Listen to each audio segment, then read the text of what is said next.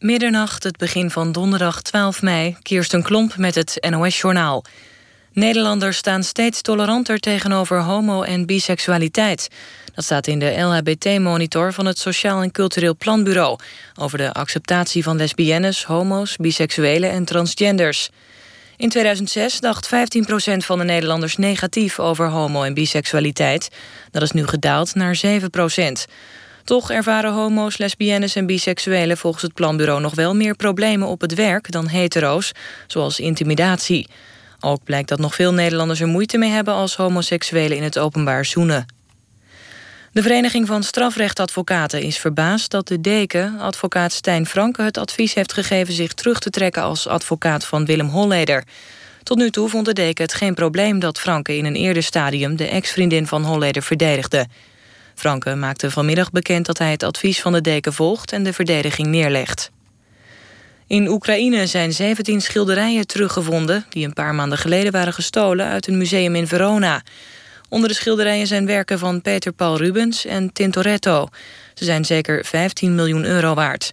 Hoe de politie de schilderijen op het spoor is gekomen is niet duidelijk. Vorige maand werden in Oekraïne vier kunstwerken gevonden... die waren gestolen uit het Westfries Museum in Hoorn. De zilveren Nipkoff-schijf gaat dit jaar hoe dan ook naar de VPRO. De drie genomineerde programma's zijn allemaal door die omroep uitgezonden. Het gaat om Langs de oevers van de Yangtze, een serie over China... de komische talkshow Zondag met Lubach en De Hokjesman... een serie over bevolkingsgroepen in Nederland. De uiteindelijke winnaar van de Nipkoff-schijf wordt op 10 juni bekendgemaakt. Het weer, het is helder vannacht bij minima rond 14 graden. Morgen overdag schijnt de zon eerst flink... maar in de loop van de dag ontstaan er flinke stapelwolken. Het blijft op de meeste plaatsen wel droog bij maximaal 25 graden. Alleen in het zuidoosten kans op een bui, mogelijk met onweer. Dit was het NOS Journaal. NPO Radio 1. VPRO. Nooit meer slapen.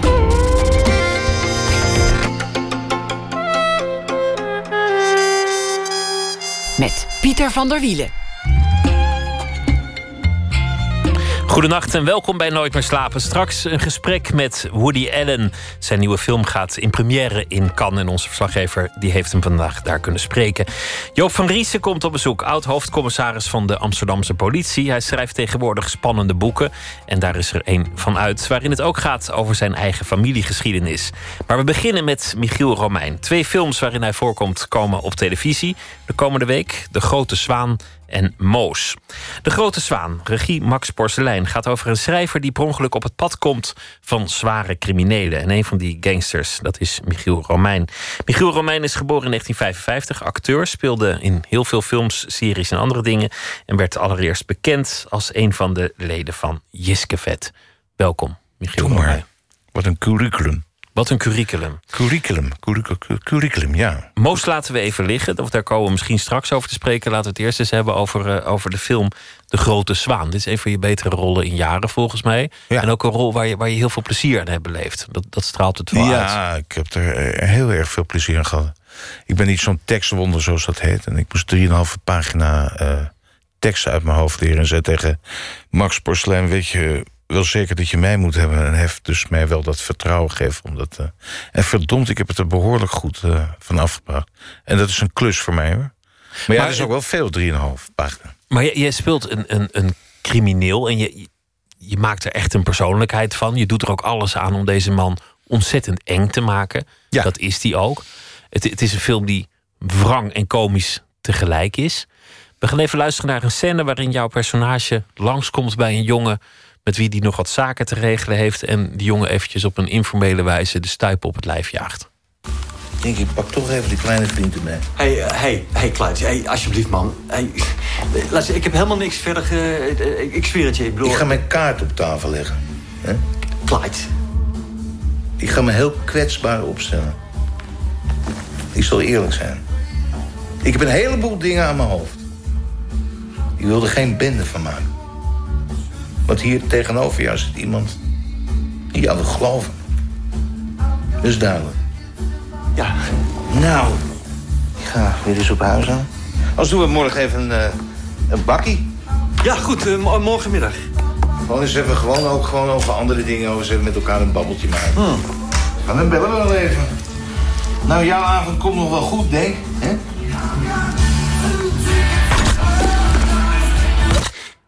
De kleine vriend is het uh, pistool dat alle tijd uh, gericht is op uh, degene ja. met wie deze informele conversatie plaatsvindt. Wat, wat, wat heb je gedaan om je voor te bereiden op deze rol? Nou ja, dat weet ik. Ik, ik, ik, ben, ik ben al jaren gefascineerd door, door de criminaliteit.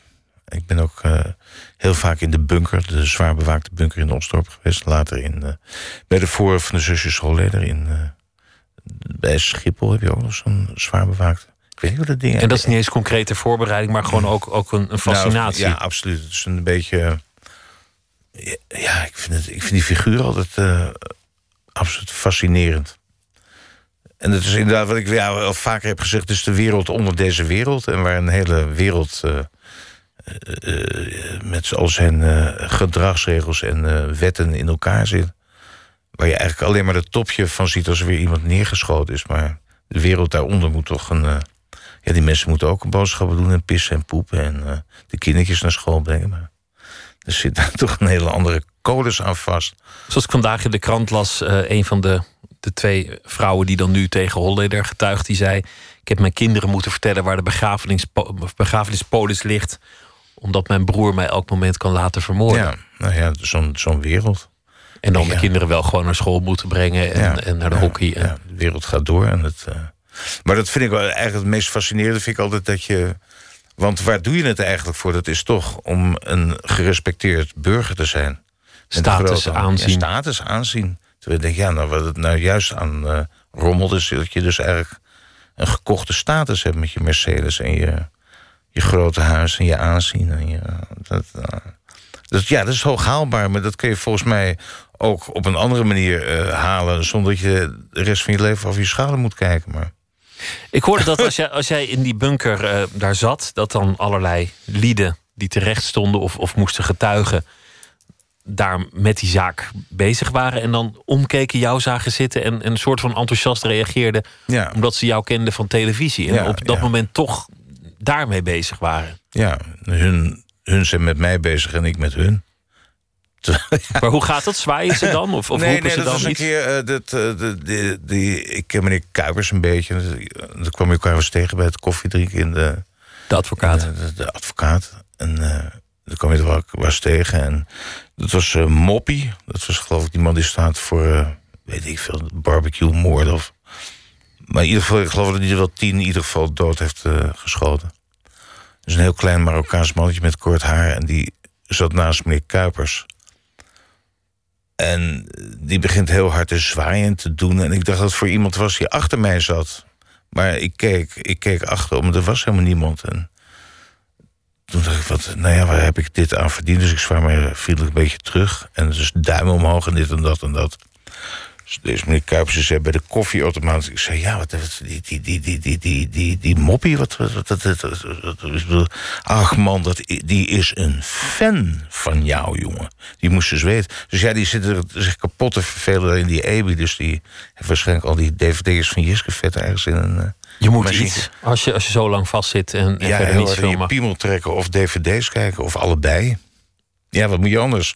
Geen idee. Ja, mensen op, in opdracht laten vermoorden. Want dat, dat schijnt ook te kunnen vanuit, ja, dat is wel, vanuit ja, zwaar beveiligd. Ja, fantastisch. Prachtig, toch? Ja, ik vind het sowieso. Dat het is, het is een koningsdrama natuurlijk. Dat, die hele liquidatie en die, die processen en die holler. En ja, zijn zusjes, die, die dan nog, in ieder geval die ene die Astrid, die dan nog als enige vertrouweling had, die dan echt de, de, de, de final, de, de, de, de, de- de mes in zijn rug steekt. Ik bedoel, Shakespeare heeft er toch eindeloos eh, veel stukken over geschreven. Wat, doe- wat doe je nog meer uit fascinatie voor de onderwereld? Want je zit dan bij zo'n rechtszaak, publiek toegankelijk, en, en dan kijk je. En de dan je- inspiratie weer zo'n rolspeler voor Max Porcelein is natuurlijk. eh, ik denk niet dat ik hem goed had gespeeld als ik niet me daar enigszins verdiept had in die figuren die daar zitten. hun manier van praten, hun, hun mimiek. Ja, en altijd de slachtofferrol. En de, de, de, dat heb ik niet aangedaan, meneer Edelachtbare. Die Hollander was, moet je eerlijk zeggen, dat ik veel vreselijk gelachen heb. Ook Dat is ongehoord geestig. Maar dit is dan weer een tijdje geleden. Dus bij die. eh, Toen met die meneer Enstra, meneer... eh, God, wie waren het allemaal? Maar goed. Toen, toen hij ineens bij die verhorende getapte jongen bleek. Ja, maar ook wel ongehoord geestig. Maar ja, dat is natuurlijk iemand die zegt daarna, meneer Edelachtbaar, ik stand. Terwijl ik denk, als hij niet daar had gezeten en Edelachtbaar op straat was tegengekomen, dat Edelachtbaar niet meer geleefd had.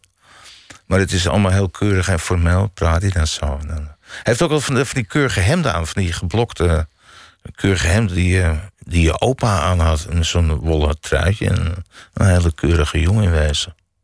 Maar, Ik heb, ik heb ook laten vertellen dat jij, als er, als er een liquidatie is geweest. Ja. Er was een tijd zo'n hele golf in Amsterdam. Dat, je- dat Ja. je dan op de plaats delict zo snel ik mogelijk doe ter een beetje plaatse water was. erbij, want ik word heel zenuwachtig.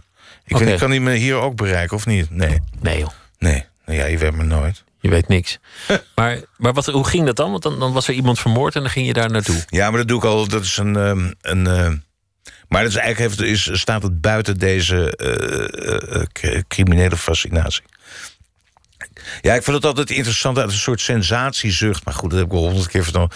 Uit een soort sensatiezucht en uit een. een, een, een ja, ik vind het, het, het feit dat je er bent en je bent weg. Dat is ja, dat is een algemeen bekend. wonderlijk fenomeen van het leven. Dat je bent De er, dood. Je, bent, Je loopt bent er en je bent- ligt er. Ja, je bent dood. Ik bedoel, dat... dat kijk, zo'n wonderlijke... Zo'n wonderlijke materie. Maar ik vind het ook wonderlijk dat je daarnaar gaat kijken. Dat je daarop maar ja, wat afgaat. je zegt, het is een... Het is een, een, eh, de fascinatie voor die criminelen, de, de, de, de, ach, het, het, het, het, het, plek, het plekje waar iets gebeurd is, blijft natuurlijk een soort wonderlijk plekje voor de rest van zijn leven. Er staat een tentje, er staat veel tentje, politie, ja, er komt tentje, wat pers tentje gaat weg na een paar uur en dan wordt het, die plekje wordt het weer vrijgegeven en dan loop je er gewoon weer langs.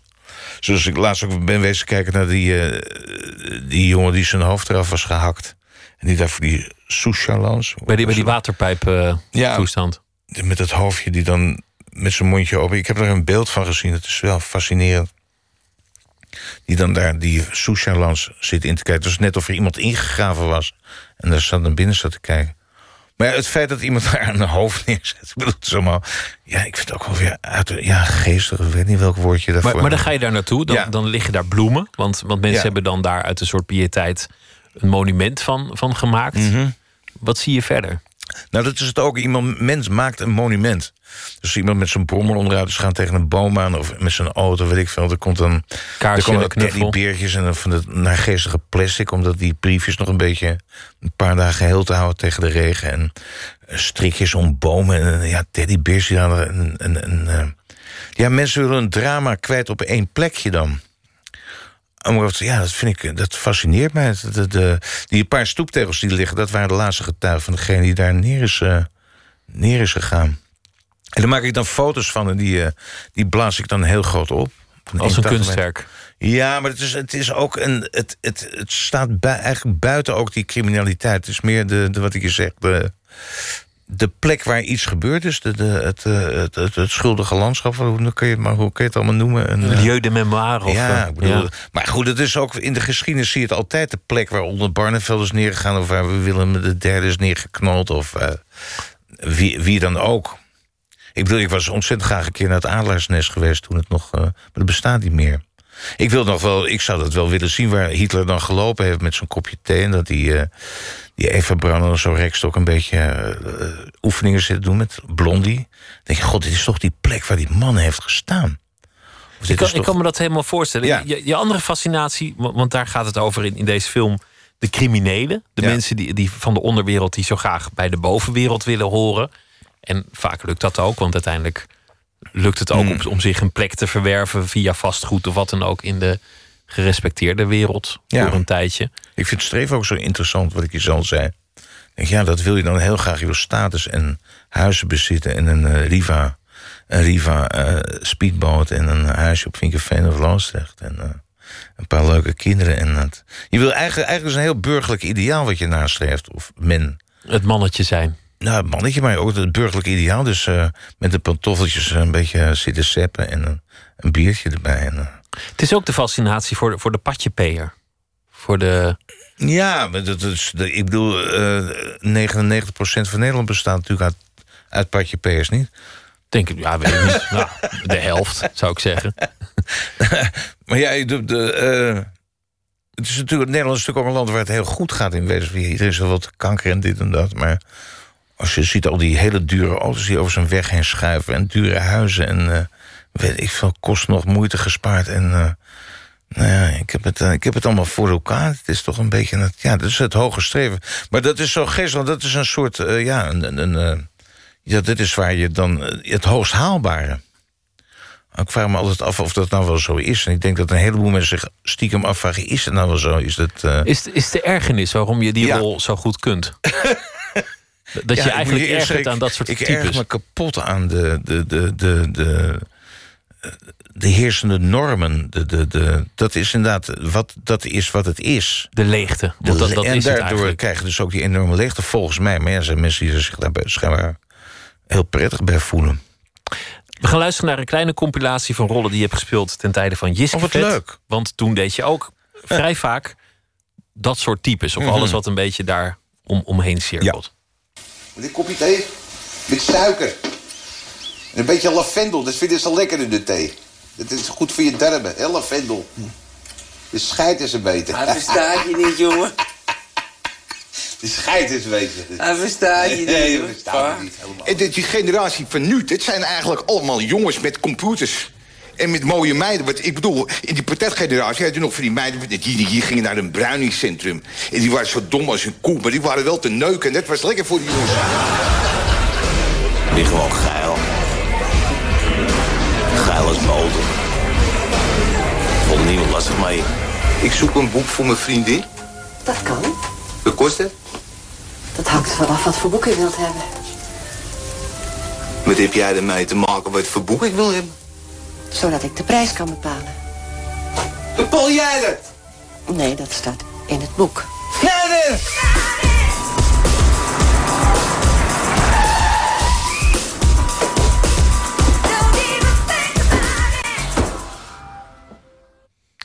Zomaar een greep uit de rollen. We hadden er nog Dat is veel een beetje meer. hetzelfde allemaal, ja. Ja, allemaal, allemaal, de, de Ja, proleet ja, volgens dat ik Michiel Romein. Ik denk bij Max Porcelein eh, is eigenlijk alweer wat beter. Dat heb ik ook geladeerd met een beetje eh Zaans accent.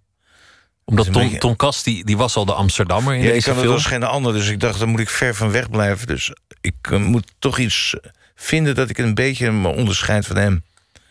Dus een beetje Zaans er doorheen. Dat hoor je, af en toe hoor je dat een, eh, een beetje dat zeurderig.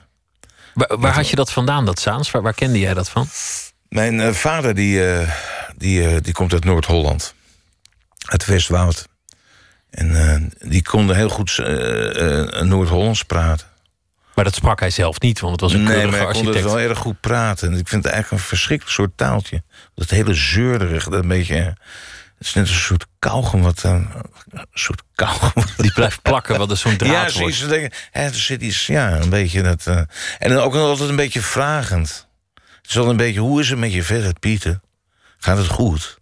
Een lange stiltes en ja, die een beetje ongemakkelijk voelt. En dat vond ik wel echt een vondst, om die er een beetje doorheen te mixen. Maar goed. Al dus in de, in de rol van, Ja. eh, van, van de grote zwaan. Ja. De, de familie waar jij zelf uitkomt en waar je bent opgegroeid... Dat, dat heeft volgens mij niet zo heel veel te maken met het soort rollen dat je, dat je hier... waar we het nu hier over hebben, je hebt natuurlijk meer gedaan. Maar dat, dat was, je vader was architect, je moeder was zeer in kunst geïnteresseerd. Wat, wat zou je er verder over kunnen zeggen? Ja, ja, dat is het. Dan zijn we er wel. Hoe is het, ja, Je, je, hoe, is het broer, zo, hoe is het zo gekomen, ja? je broer ontwerpt eh, voor begrafenissen. Ja, de maakt Kisten? een le- een hele mooie kisten, ja. Dus mocht je er een, eh, mocht mocht je je er een niet meer zijn, nodig maar kun je nog, mocht je er een nodig hebben, dan zou ik je aanraden zo'n eh, hele mooie kisten.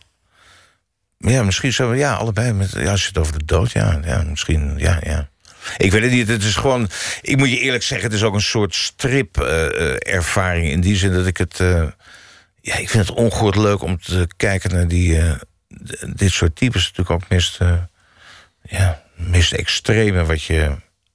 Alhoewel, inmiddels is het ook niet meer extreem. Ik bedoel, vroeger was dat veel extremer dan nu. De grote Audi's en de, de, de, de, de, de, de, de ja, de passerigheid. Dus, is totaal toegelaten. Vroeger, de jaren dat ik nog jong was, was dat toch echt not dan dat je daar dat je of voor liet staan dat je een grote auto had. Of een, Maar alles is poederiger geworden, ook de onderwereld en, ja, en de ja, bovenwereld ja, net zo goed. Ja, tuurlijk. En dan krijg je ook weer dat mensen elkaar moeten overtroeven, want daar gaat het tenslotte Ja, maar dat is ook heel wonderlijk. Ik, kom- ik kom niet natuurlijk, of natuurlijk, maar ik kom niet uit een banaal milieu in die zin. En, eh waar toch wel met de, de, de worm in de aarde opgevoerd of eh, opgevoed en de, wat recht is en wat krom is. Maar ik bedoel, je leeft nu in een wereld dat dat, ja, je zit toch een beetje rond te kijken. denk, Mijn god, wat dit. Wat een verschrikking allemaal. Maar genoeg over wat je, wat je Ja. ergert en, en waar je aan stoort. Jouw moeder nam jou heel vaak mee naar het stedelijk. Ja, mijn moeder is, eh, heeft 30 jaar vrijwilligers. Die, zat- die werkt op de bibliotheek in het Stedelijk Museum. En daar heeft ze nog een lintje voor gehad. Dus eh, 30 jaar heeft ze keurig daar... eh, ja, als bibliothecaresse, als ik het goed zeg, heeft ze daar gewerkt. En jij ik ben er nog er met steeds mij vaak, de toch? paplepel wel ingegoten. Want mijn vader is architect. Die nam altijd mee naar eh, zijn bouwwerk. En die, eh, die, eh, die wist veel van, van, ja, van architectuur. Dus dat, dat, ja, dat, dat milieu kom ik. Was het ook je eigen droom eigenlijk om kunstenaar te worden? Ja, maar ik denk dat in die zin ben ik dat, ben ik dat redelijk.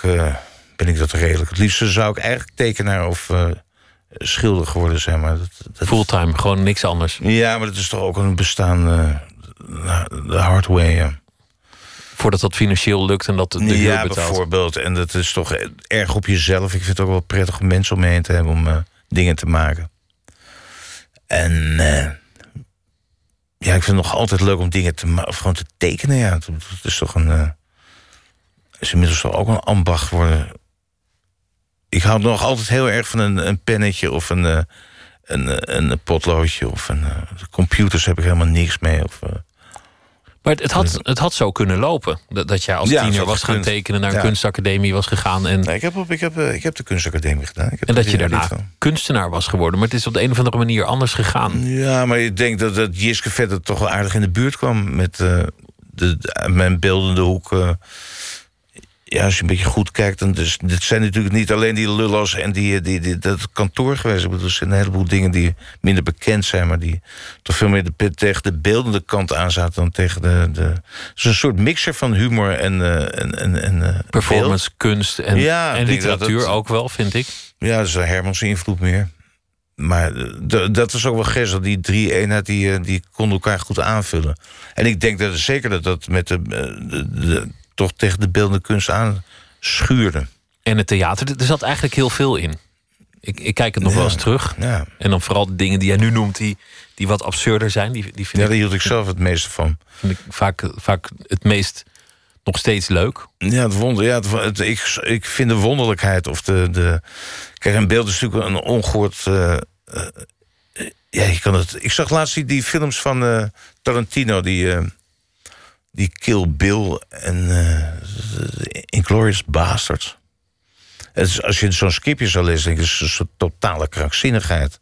Die idiote, idiote scènes, idiote dialogen. Maar het klopt als een bus op een of andere manier. Dus het is heel goed, die, die tekst die ook zo goed met het beeld eh, eh, gelijkgelegd wordt. Wat je ziet en wat je hoort. Is totaal idioot. Daar is die man ongehoord goed in.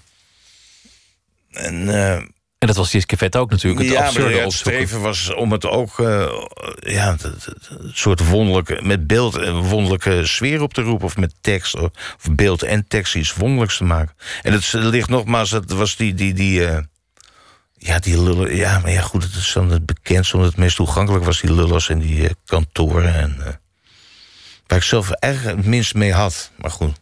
Omdat daar meer de harde lach werd opgezocht. Ja, maar god, er is ook niks op tegen. Maar ik, eh, het- mijn fascinatie lag daar niet, nee. Hoe is dat eigenlijk begonnen? Hoe, hoe kwamen jullie elkaar tegen en, hoe raakte je Jezus, moet ik nou weer? Ja, als je wil. ik weet het eigenlijk helemaal niet. Ja. Want jullie, jullie waren gewoon vrienden. Herman ken ik al heel lang. Kees Prins kwam weer bij. Marjan Luijf zat erbij. Kees Prins die heeft, die is met Marjan Luijf meegekomen. Pieter Verhoef die heeft ons eh, weer bij elkaar gebracht. Want Marjan Luijf daar deden we Borat ooit mee. En Herman en ik die wilden iets voor tv doen. En Marjan Luijf die wilde dat ook gaan doen. Weer op een haar manier. En nou ja, uiteindelijk is dat toch weer bij elkaar gebracht. En er kwam Kees Prins bij. En toen... eh, hebben we de eerste twee seizoenen met Mario Luif... is er toen uitgetrapt. En eh, nee dat is een artistiek meningsverschil. En toen zijn Kees, Herman en ik eh, doorgegaan. En Pieter Verhoef die is toen ook uitgegaan. En toen hebben we het eigenlijk, eigenlijk eh, zelf een beetje opgelost. En dan de, de, de, de beeldregie in de studio, dat werd dan gedaan door Ellen Jens. En dat monteerden we ook allemaal zelf. Om het, eh, Al met al 10 jaar, 12 jaar? Hoe lang? 16 jaar. 16 jaar. Ja, Zijn jullie, 15, 16 jaar, ja.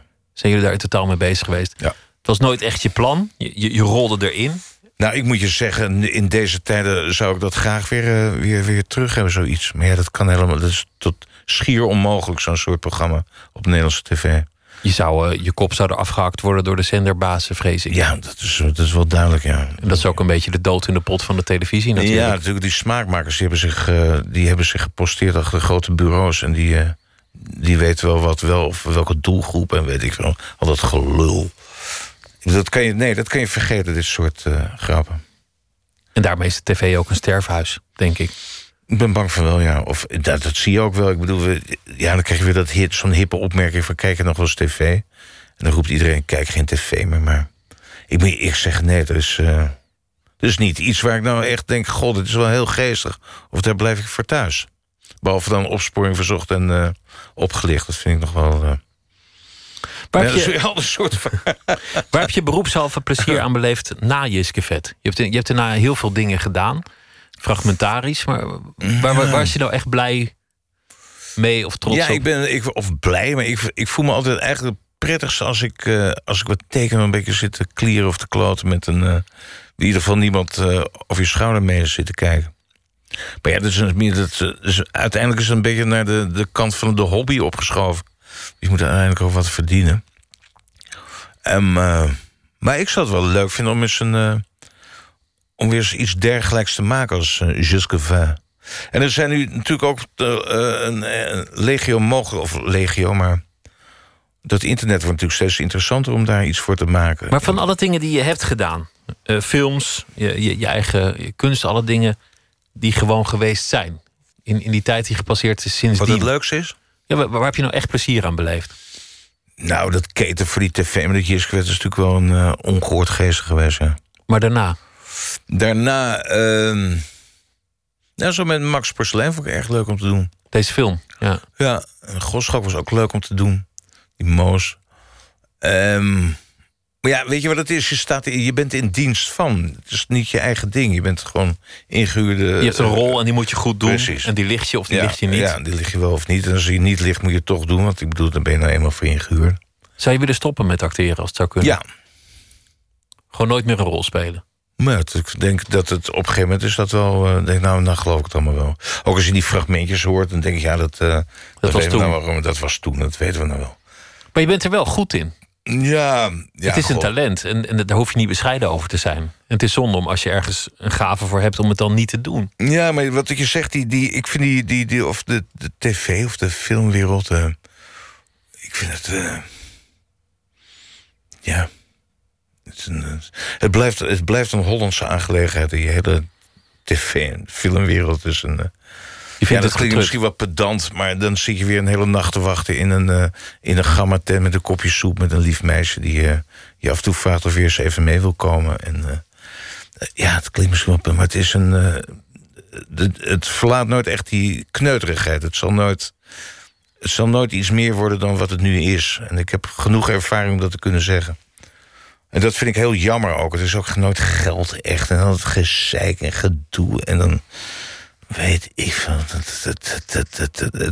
Het, krijgt nooit die jeu die je had gehoopt dat hij zou krijgen.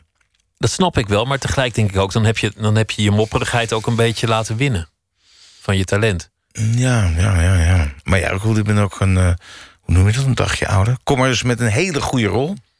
En een, een, een mooie Mercedes waar ik net ben, ben gekomen. En, zet me daar dan maar in neer en wacht, dan, wacht ik wel af wanneer ik op kan. En dan, hè? een beetje filmster, eh, een beetje filmster zijn. Je zegt net, ik moet ook wel ergens van leven. Financieel gaat het niet altijd even, even sterk. Nee, we zijn enorm belazerd in de tijd met, eh met Jiskvet. Wat jammer is, want het had gehoopt daar nog, eh, nog een paar cent aan over te houden. In ieder geval het even uit is het maar goed. Van de dvd's en, en, en de musical. Ja, dat is helemaal misgegaan met iemand die ons ont- ontzettend genaaid heeft. Maar goed, gaat het zo er niet over hebben. Maar dat is, ja, dat is jammer. Dus je, moet, je bent inderdaad een... een eh, eh, kijk, vroeger kon je dat gewoon zelf be- bepalen. En nu bepaalt iemand anders jouw... eh, Opbrengst. Ja, jouw opbrengst. En dat wat ik wel jammer vind, ik hou ik helemaal niet van. Ik denk, ja, ik moet het wel doen, omdat... Maar je bent er dan ook niet echt goed in? Waarin? Geld. Geen financieel Nee, wonder. Nee, ik ben niet geen, handig. nee, nee, nee, ik ben geen... nee, was maar waar, nee. Dus dat pad is helaas afgesloten. Ja, dus- maar dus zo dat alle clichés van genaaid worden door managers en zo. Het, het klopt allemaal als een huis. Ik ken heel veel mensen die heel rijk ha- hadden kunnen zijn. Ik ken heel weinig mensen die het zijn. Nee, maar echt de clichés inderdaad, de managers en dat soort jongens die daar... Gladde zijn jongens. van- ja, de gladde jongens en die gewoon slimmer zijn dan jij. Ik bedoel, ik, ik, ik, dus ik ken er zoveel. Maar goed. Nee, dat is een, eh, dat is een, een zeer eh, zwarte kant van het... eh, van het- Artiestenbestaan. Ja, dat vind ik wel, ja. Ook heel dan- jammer. Eigenlijk ben je het acteren een beetje zat. Je, je vindt veel van de rollen die je doet Ja, niet zo wel- dus interessant. Als je nou dat riedeltje hoort wat ik heb gedaan, denk ik, ja, dat, dat weet ik nou wel, Romein. Ik bedoel, het, eh, kom op. De, de zwerver, de mopperende man, de, ja, de bedoel, opa. De, de crumpy old man. Langzamerhand eh, denk ik, ja, voor je bent ben je Archie Bunker. Ik zit nu in zo'n ro- rolstoel in zo'n serie voor Talba. Danny Lewinsky, wat op zich wel leuk is. Maar ik denk, ja, jongens, dat, ik bedoel dat... eh, ik geloof dat nou wel, ja. Maar wanneer ga je eens doen wat je dan echt wil? En wanneer ga je dat Ja, uitvinden? dat is een goede. Ik zou ontzettend graag weer iets dergelijks maken als uh, Jusque Maar hou op over Jiskevet, Nee, dat is maar ik bedoel, dat is, nee, ik bedoel, dat Jiskevet is, de, de, de, dat is toch de, de motor die je de creativiteit aanzet. Of, je eigen, of in ieder geval de mijne. Dus gewoon zelf dingen maken, laat ik het daarop houden. En dat is heel ingewikkeld, nogmaals. Dat, dat lukt je niet meer, in ieder geval voor die tv. En als je een film schrijft, dan moet je daar zes jaar mee leuren... voordat er iemand zegt, nou oké, we'll maken, maar... Ik, vind het, ik vind het proces zo niet meer te harde om je aan te bieden en dan naar commissies gaan waar je van denkt... zit die lullenbak, die zit daar in die commissie... moet ik dat meestelijke script aan die zeikert laten lezen... omdat hij dan vindt wat, dat, dat hij er iets van vindt. En of ik dan toch die emotionele lijn... want dan man, zo er niet erop. Gaan Maar- zoeken. Zoals ze altijd zeggen dat achter de cynicus schuilt een romanticus of een Ja. idealist. Eh, achter, achter de mopperige man, die je soms wel een klein beetje kunt zijn, schuilt natuurlijk ja, maar er iemand. een beetje spel bij natuurlijk. zit een beetje maar- spel, maar daarachter maar, zit iemand ja. die volgens mij heel gepassioneerd is over een aantal dingen. En ook kwetsbaar in een aantal Ja, maar dingen. dat, dat is inherent aan elkaar. Zou ik, anders zou je het ook niet zo lang vol. Ik bedoel, het is, ik heb een, een, een, een aardige loopbaan wat dat betreft erop zit. En misschien, ja, misschien ja, zuur. Ik vind het ook heel jammer om zuur te zijn. Maar ik bedoel, die, die, eh, die wereld, deze, deze wereld van die... Dat, Maar je hoeft zou- niet zuur zou te zijn. Bedoel, nee, je hoeft niet natuurlijk. Ik ben ook helemaal niet zuur. Nee, maar dan zie ik al die, zie ik al die mensen zitten en denk ik, ach, flikker toch op. Die- die- die- die- ik bedoel, die wereld is zuur. Ik ben niet zuur. Kom, laten we Die muziek gaan luisteren. De wereld is zuur. Ja. Anthony Haggerty. Letouw, eh, eh. Lau heeft dat Letouw. T. Lau, de wereld is zuur, maar ik... Nou ja, Dat dus. Ja. Hij heet tegenwoordig Anoni, Anthony Haggerty. En we gaan luisteren naar eh, een nummer 11 Marrow.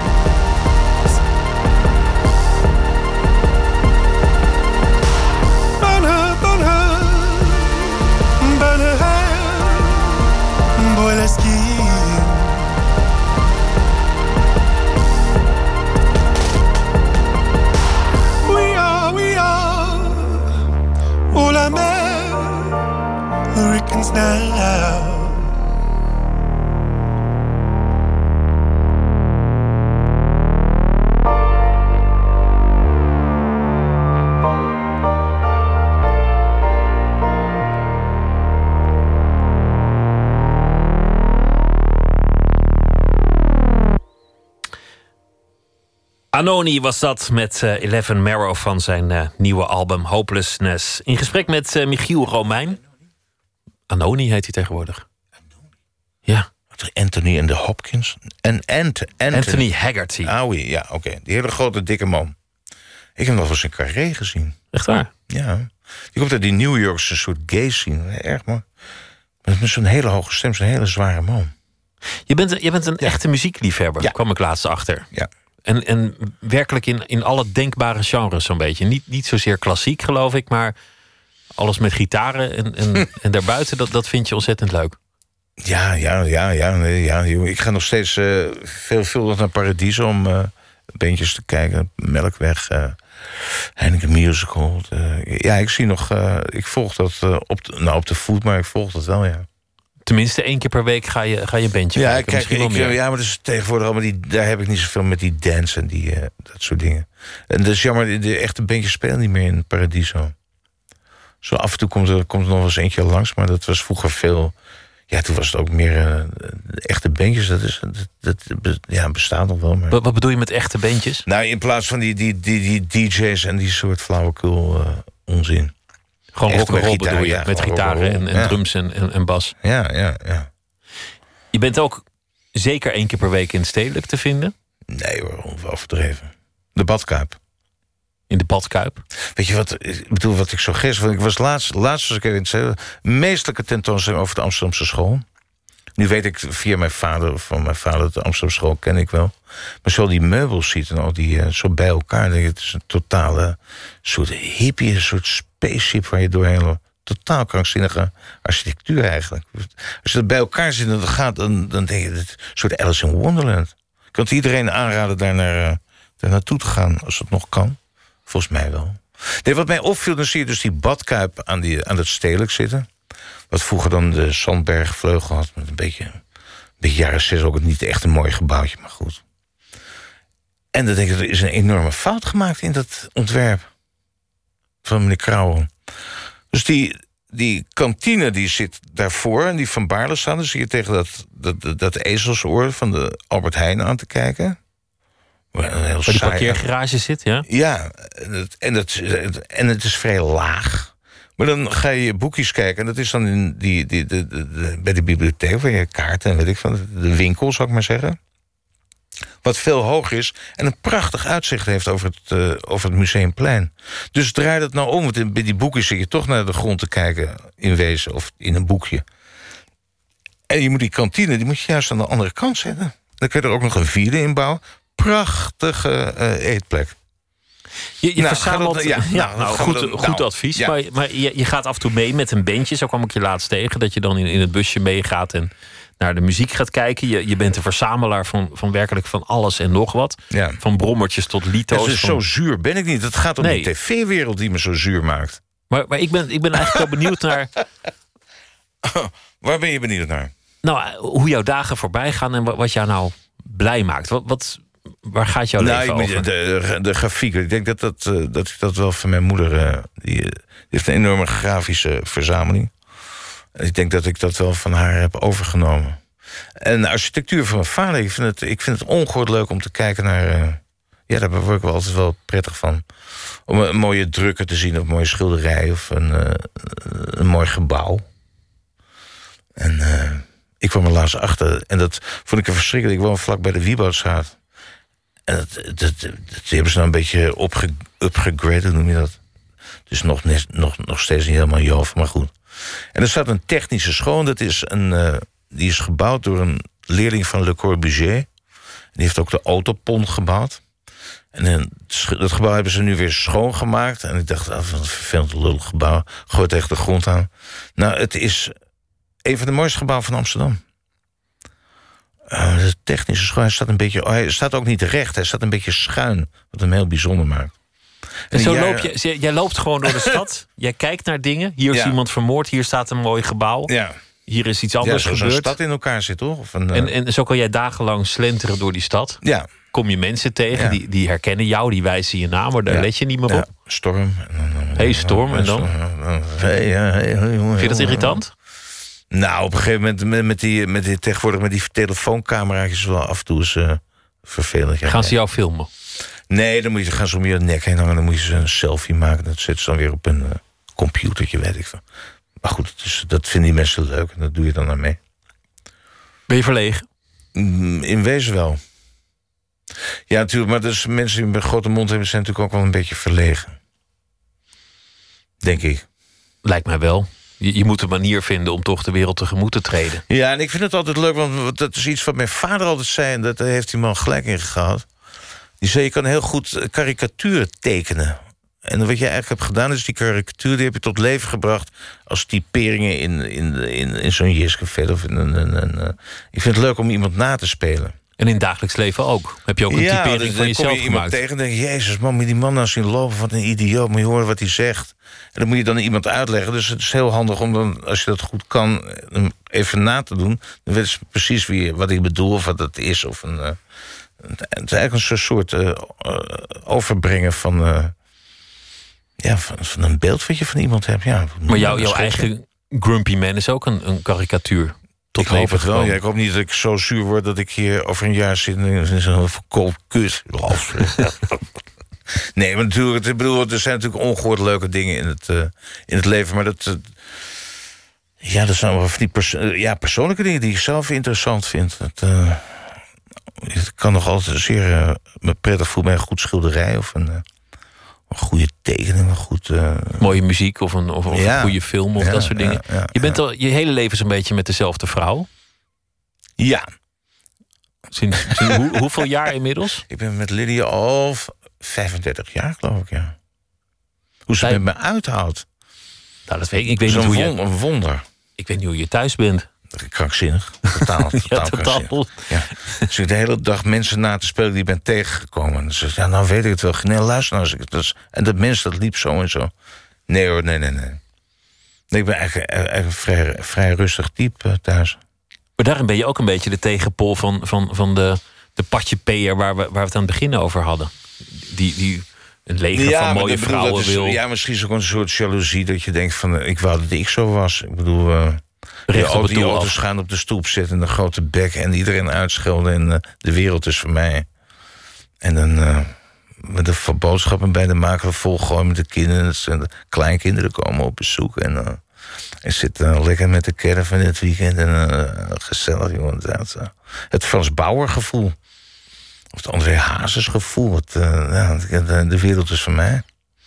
En het, dat kan, het- ja, het kan het zowel zonder enige gêne zo'n leven leiden. Dat lijkt me toch ook wel heel fascinerend, ja. Maar daar ben je zelf te, te ingetogen voor te bescheiden. Nou, ik ben daar te chic voor natuurlijk. En te chic, Ja. ook. Zeker. Ja. Wat jou, waar jij ook van houdt, is de, is de, de fascinatie. Dat, hoor- eh, dat hoor ik steeds terug. Irritatie Voor- is de beste inspraak. Dat was een hele oude, ja. Maar die gaat nog steeds op. Nee, ik wil iets anders zeggen. Jij, jij houdt vast- van, van, van de verbeelding. En, en veel dingen, die, die zijn nogal plat. Ja. Het is één op één, er zit niks achter. Bij Jiskevet was het altijd... heerlijk om te spelen, maar goed. Jiskevet was altijd onverwacht. Ja. Je wacht op die clue, die clue komt niet. Je wacht op die grap, die grap die komt niet. Ja. Je denkt dat er iets gaat gebeuren, maar er gebeurt of iets anders... of het gebeurt helemaal Ja. niet. Dat is, dat is de, de eindeloze schoonheid. Tegenwoordig is het in, in heel veel dingen... precies wat je verwacht dat er gaat gebeuren. Dat ja, maar dat is natuurlijk ook de fascinatie. En daar- wat je net zegt, dat, eh, de, de, dat één op één gevoel is er ook. En heel Hollands ook. Dat, eh, ik heb het goed en eh, voor dit moest ik ophouden. Het is ook een. eh, het is een ja, de vlees geworden narigheid allemaal. Het is juist leuk om een wereld, of in een wereld te scheppen of te leven die. eh, ja, die eigenlijk van, wonder, als van wonderlijkheid in elkaar hangt. Dus een, eh, ik zat laatst weer te kijken naar eh, Winsor McKay, een van de beste tekenaars aller tijden. de- de Little Nemo. Die rare sprookjes van iemand die iets verkeerds heeft... en dan een totale weird, LSD-achtige, tripachtige wereld komt... en zo ongehoord goed getekend. Nou, ik, ja, het is een soort... Zo'n wereld is er natuurlijk ook. En die kan je beter opzoeken dan, dan die... De wereld van de fantasie, van het onverwachte. Ja, ik bedoel, je kan ook heel goed leven in een wereld die... eh, gaan we inderdaad eens een tijdje, weet ik, door een mooi landschap lopen. Of een, uh, dan gaan er opeens allerlei andere dingen gaan meespelen. Die, uh, die eigenlijk niet meer uh, van jezelf dacht dat je ze zou hebben. Maar dat heb je ook van je ouders meegekregen. Je vader als architect, je moeder ja. met, het, met het stedelijk. Ja. Hebben zij zich eigenlijk wel uitgelaten over, over jouw werk toen je dat ging doen? Volgden zij jou? Gingen ze nou, kijken? Mijn moeder heeft me altijd zeer gestimuleerd. Want die vond altijd dat ik geweldig tekende. Dus die, heeft daar, die is daar nooit flauw in geweest. En mijn vader kon ook heel goed tekenen. En die was ook een goede architect. Maar ik, ik heb het idee dat hij af en toe was een beetje jaloers was. Of een beetje. Ja, ja, ja, doe maar. Uh...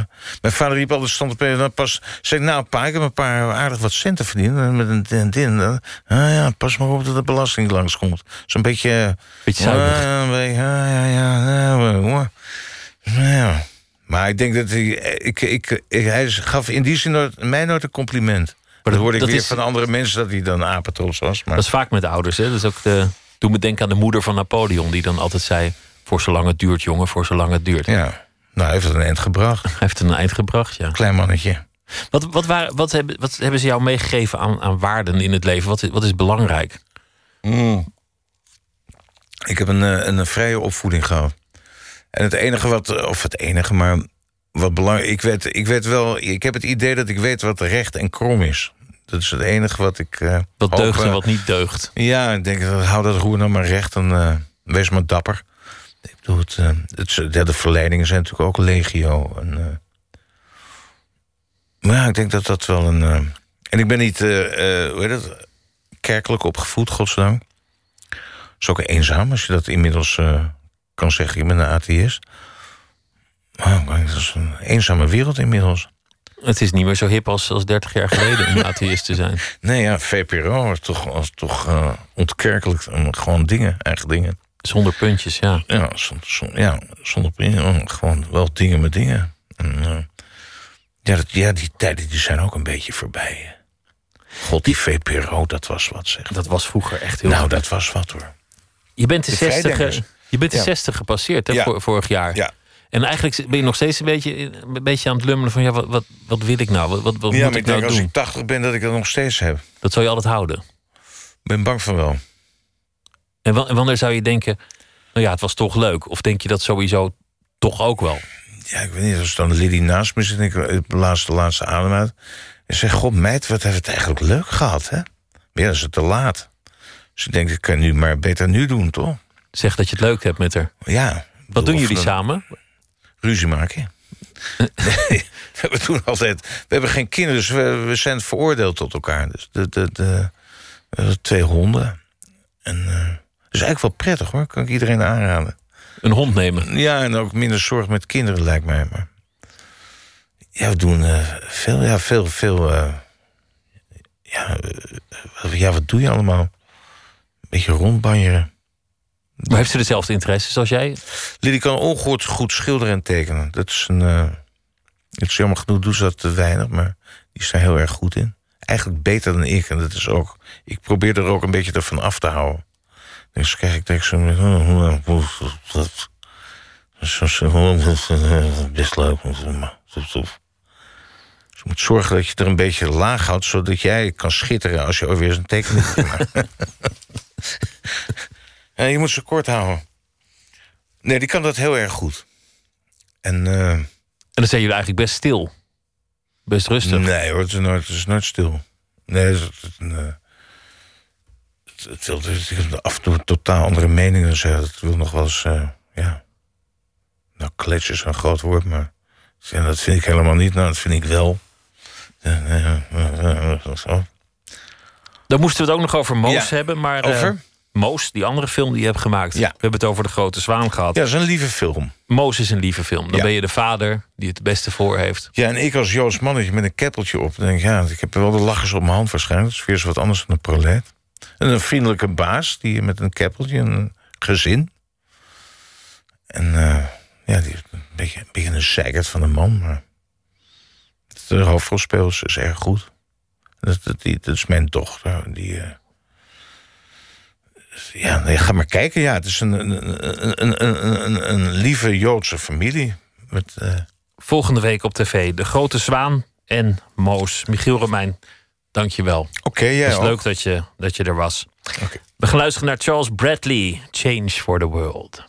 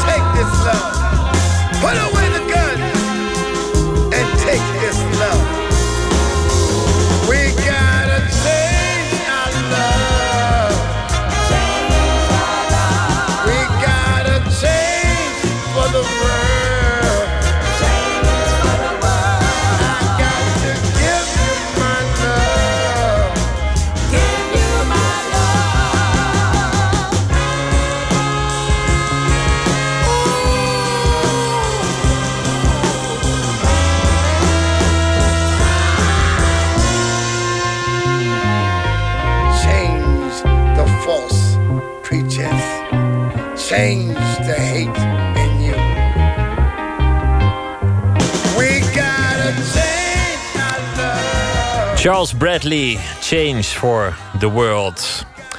Het eh, hoogtepunt van het filmjaar is eh, in het zuiden van Frankrijk. In Cannes is het festival begonnen, het 69e filmfestival van Cannes. Gerhard Busch is ter plekke. Hij is filmjournalist, eh, onder meer voor cinema.nl. Gerhard, goeienacht. Goedenavond of goeienacht. Ja, Woody Allen die heeft eh, de openingsfilm voor de derde keer dat eh, het festival opent met een film van Allen. Zijn 49ste film alweer, Café Society. Wat is het voor film? Eh, vintage Ellen. Bitterswe- eh, bittersweet. Nou, niet erg voor Engels, even weer Nederlands. Eh bittersweet, dus om te lachen, zoals meestal, maar wel met een paar serieuze ondertonen. En waar speelt dat het? weet je volgens mij wel, want jij bent toch een grote fan van Woody Allen? Ik ben, ik ben een zeer groot fan van Woody Allen. Ik denk dat ik van de 49er 47 of zo wel moeten hebben gezien.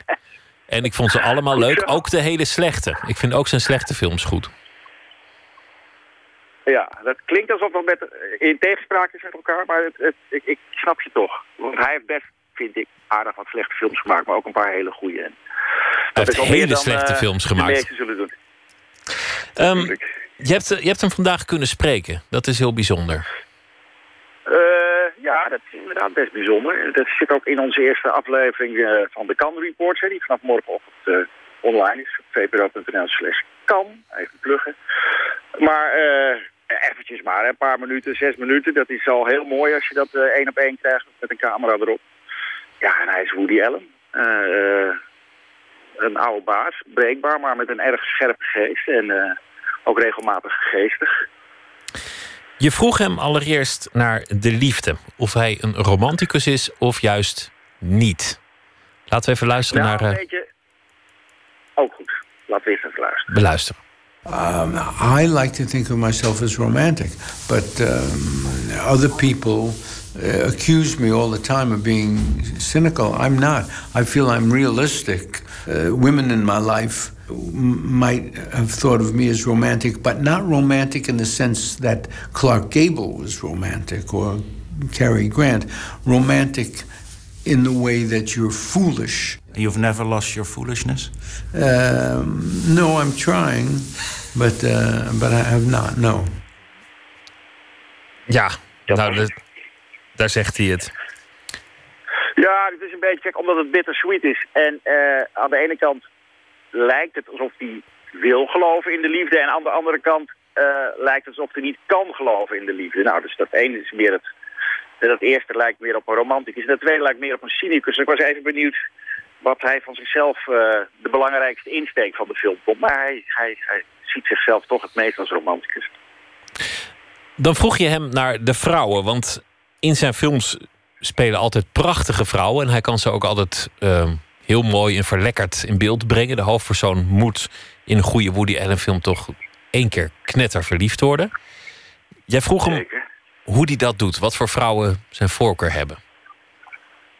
Uh, the women that work in my movies, I make sure look very natural, uh, not slick and, and not made up.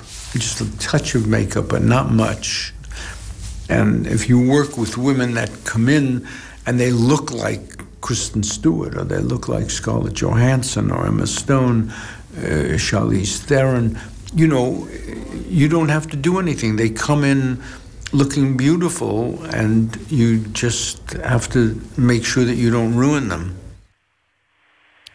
Ja, Ja, al dus, hele mooie vrouwen. Ja, zo mooi dat ze eigenlijk geen uh, lipstift nodig hebben, zegt hij.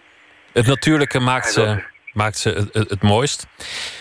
De plek is altijd belangrijk. Hij heeft een tijd lang in, in allerlei andere steden gefilmd. Barcelona, Vicky Cristina, Barcelona, Londen, Matchpoint, Parijs, Midnight in Paris, nou ja, et cetera. Steeds andere locaties.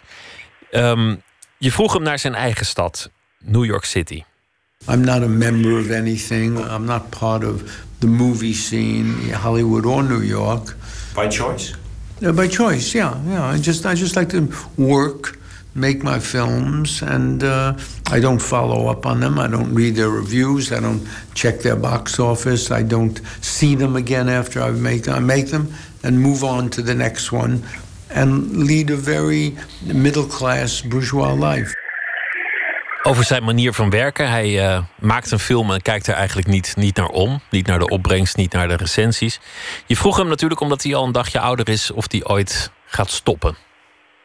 I'll just keep going until either I don't feel like doing it anymore, or my old age will set in and cause me to stop, or my backers will come to their senses. Hij zal doorgaan. Is, is uiteindelijk een, een sympathieke man, Gerard? Kan je dat zeggen? Op basis van jullie korte gesprek? Na zes minuten. En er hangt ook nog een rechtszaak van misbruik van zijn zevenjarige dochter boven zijn hoofd. Je weet zo weinig. Kijk, ik, ik zie hem als filmmaker. En, en daar kan ik hem vragen over stellen. En eigenlijk, that's it. Ik, als ik hem echt als mens zou willen onderzoeken... dan zou ik nog veel dieper moeten graven. En dan zou ik ook veel meer tijd moeten hebben om, om te kunnen spreken daarover. Er is in ieder geval een, een nieuwe film die in première gaat uh, op Cannes... en die uh, in het najaar in Nederland te zien zal zijn. En het hele interview is uh, te zien op cinema.nl. Gerard Busch, dankjewel en veel plezier daar in Cannes. Dankjewel. Hoi hoi. Op Radio 1, het nieuws van alle kanten.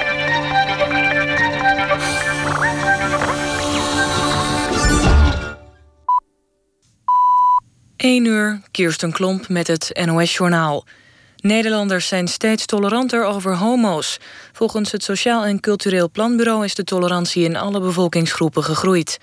In 2006 dacht 15% van de Nederlanders negatief over homo- en biseksualiteit. Dat is nu gehalveerd naar 7% Toch ervaren homo's, lesbiennes en biseksuelen volgens het planbureau nog wel meer problemen dan hetero's, zoals intimidatie op het werk. Ook hebben nog veel Nederlanders er moeite mee als homoseksuelen in het openbaar zoenen. Alle drie de bomaanslagen die vandaag werden gepleegd in Bagdad zijn opgeëist door IS. Door de explosies werden meer dan 100 mensen gedood. Zeker 175 mensen raakten gewond. De zwaarste aanslag was vanochtend in een Sjiïtische wijk. Daar ontplofte een autobom op een drukke markt en werden zeker 63 mensen gedood.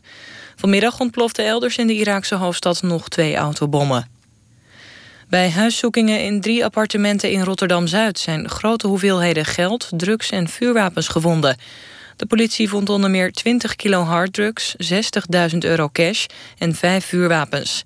Er zijn negen verdachten tussen de 20 en 35 jaar opgepakt.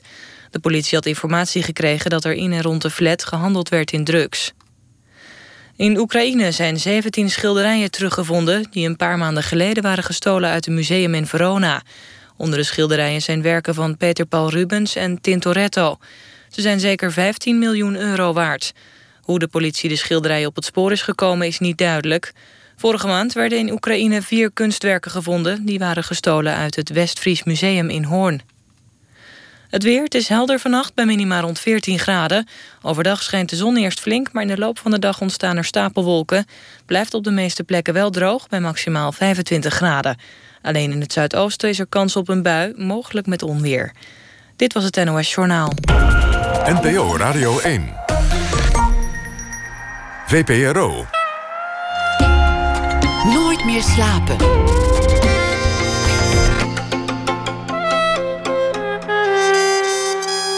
Met Pieter van der Wielen. Straks een eh, gesprek met Joop van Riesen, oud-hoofdcommissaris van politie in Amsterdam en tegenwoordig thriller-auteur over zijn nieuwe boek Moord op de tramhalte.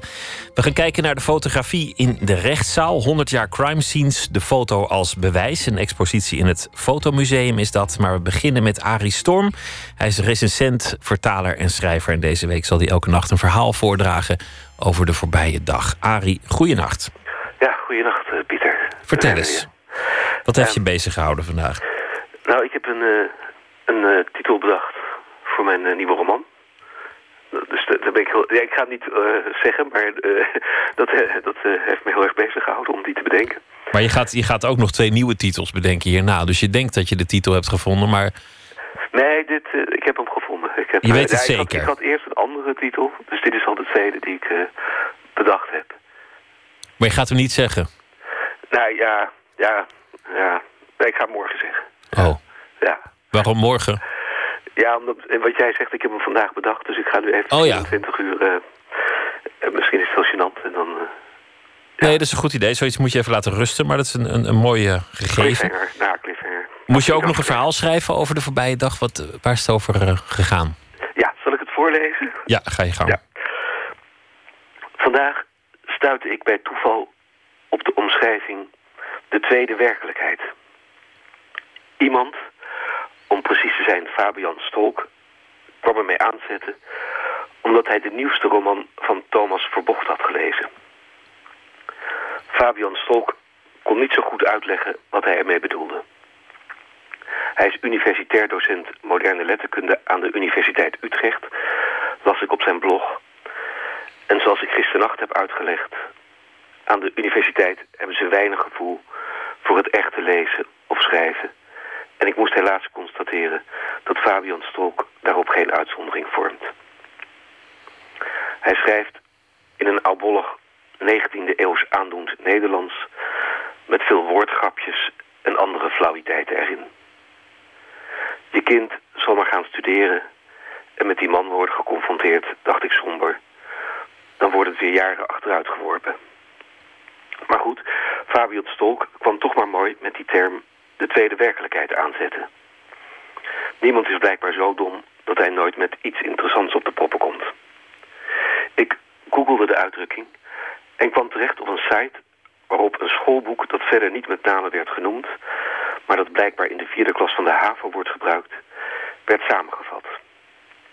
En ja hoor, daar was ook sprake van die tweede werkelijkheid.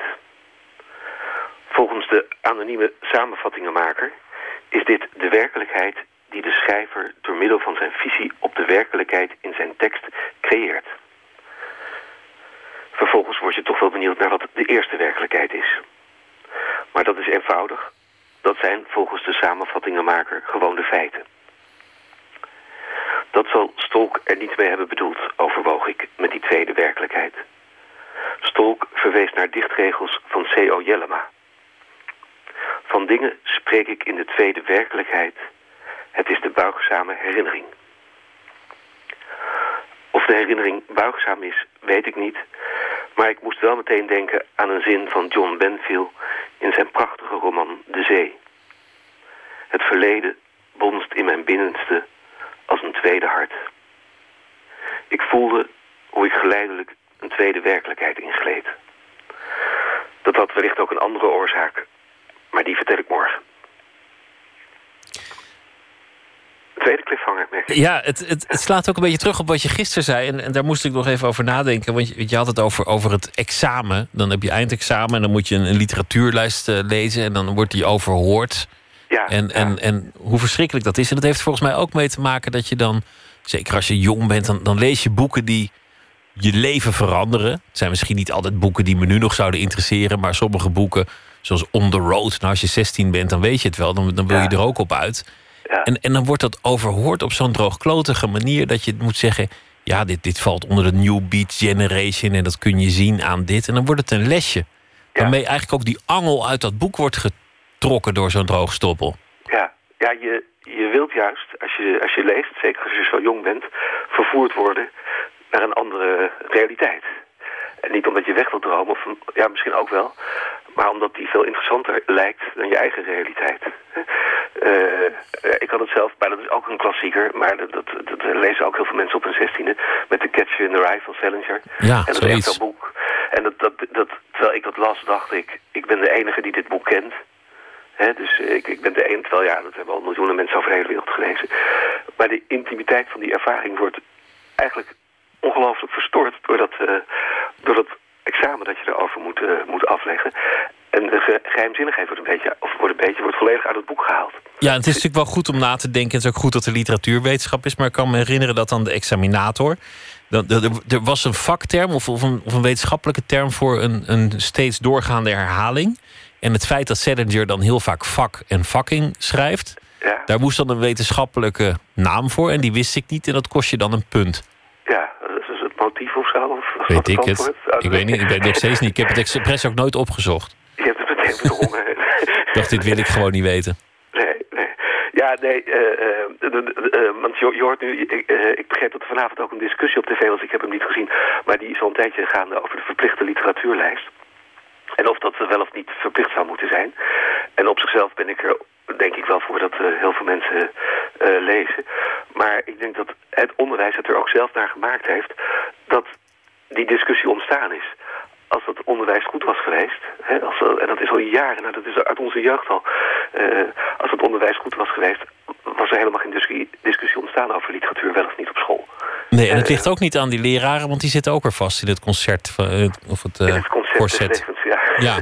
in ik bedoel in het corset van ja, van de regeltjes. Nee, natuurlijk. Nee, ik wil die arme leraar helemaal niet, eh, niet, eh, niet eh, aanvallen. Ik denk wel dat, het, dat je een verschil moet maken tussen leraren op een middelbare school... die over het algemeen beter zijn dan universitaire docenten... die er echt niks van bakken. Maar goed, dat, dan hebben mensen zelf gekozen om dat te gaan studeren. Zo is het ook weer. En, nou dan zijn ze wel gemotiveerd uit zichzelf. Ja. Arie, dankjewel. Morgen dus eh, eh, de belofte heb je nu gedaan. Ga je de titel van je nieuwe boek vertellen als je hem morgen nog steeds goed vindt. Ja. En voor nu een uh, goede nacht. Jij ook. Tot morgen dan. Allerlei belangrijke nieuwe albums zijn uitgekomen. Radiohead, Anonin, die we net dus draaiden. En James Blake, The Color in Anything. En we gaan luisteren van dat album naar My Willing Heart. First time your name was used, it was beauty, and I knew. Sat in a violent room with some people I saw through. Gathered round the television's fire. Watching for the people I admired. Outside, my words were frozen in my mouth. I couldn't get them out.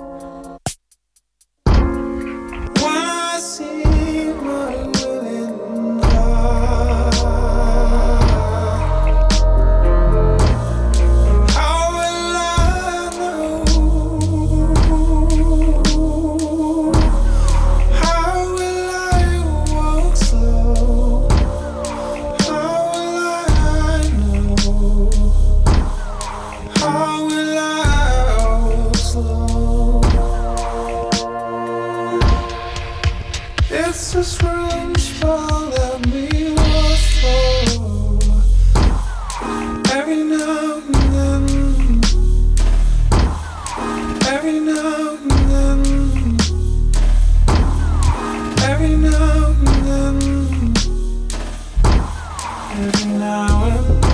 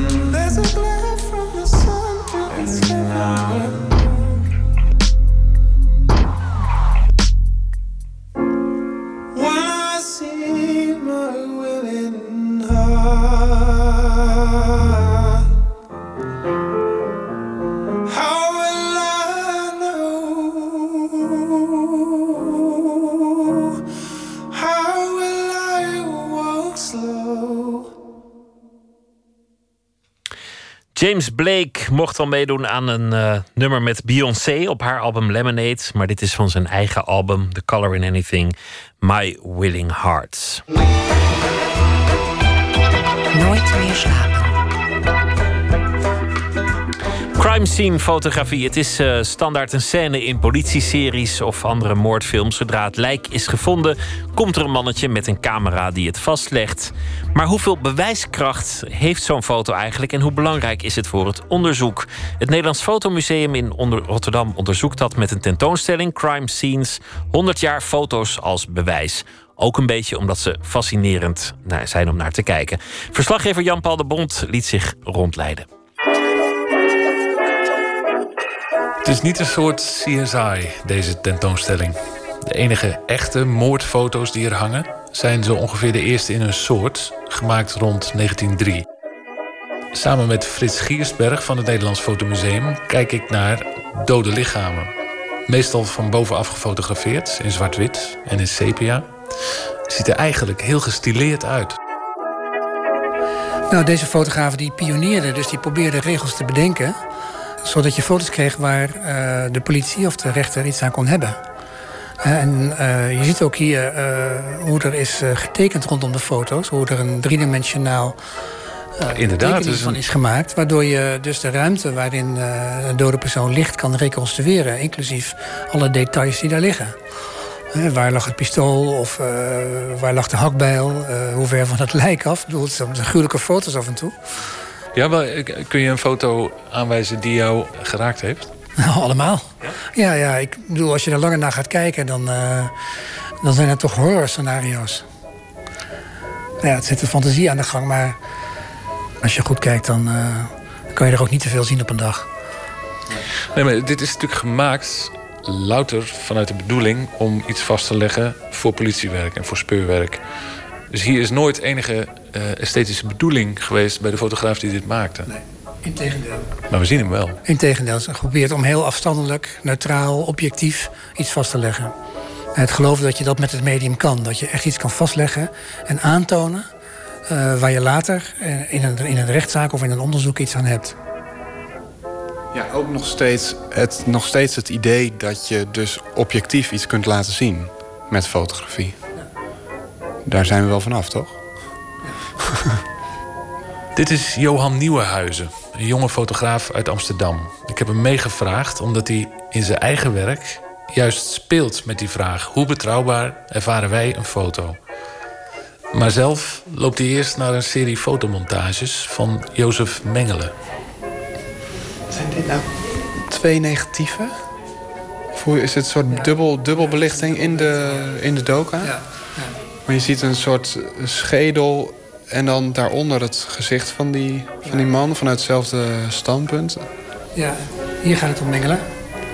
Ehm, die gevlucht was naar eh, Zuid-Amerika. En eh, waarvan op, op, waar natuurlijk nog naar werd gezocht. Een van de grootste beulen uit de concentratiekampen. Een gegeven moment was er dan een graf gevonden. En eh, er was twijfel van, ja, is hij het nou of is hij het niet? En toen heeft iemand een methode gevonden om op basis van alle foto's die er van hem bestonden... En ook wat filmpjes waarin iedere keer zijn hoofd in beeld komt. Om die te gebruiken, om die iedere keer over elkaar heen te leggen. Met foto's van de gevonden schedel. Om te kijken of die vormen precies overeenkwamen. En uh, op een gegeven moment kwamen ze dus op uit dat het kon niet anders dan dat moest zijn schedel zijn. Dus toen wisten ze dat hij was gevonden.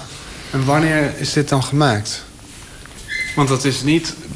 Uh, ja, Photoshop was er toch nog niet? Nee, dat negatieve gedaan. Dat is allemaal ja, uh, ja. handwerk. Ja, allemaal handwerk. Het ziet er heel ingewikkeld uit. Dat je, als je dit in de, in de donkere kamer moet doen. dit is echt vakmanschap, dat zie je.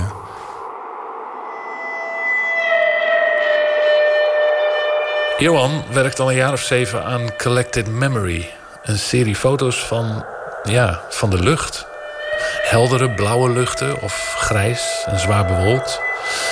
Alleen aan de titels kan je zien dat het eigenlijk ook een soort plaatsdelictfoto's zijn. Dit soort fotografie, politiefotografie in het algemeen, is heel beeldend. Laat zien, nou, dit is er aan de hand. En ik laat helemaal niks zien, maar ik wil het wel oproepen. Dus ik laat een lucht zien en uit de titel kun je opmaken wat er, welke gebeurtenis ik daaraan koppel. Maar dan, dan, gaat, uh, ja, dan gaan mensen wel associëren of dan komen er wel herinneringen naar boven. Maar ik denk dus ook dat er uh, beelden naar boven komen. King's Cross, Londen. Ik zag Linnaeusstraat. Ja, dit is de, de lucht over, boven de Linnaeusstraat. En de titel is dan Sky over Linnaeusstraat, Amsterdam.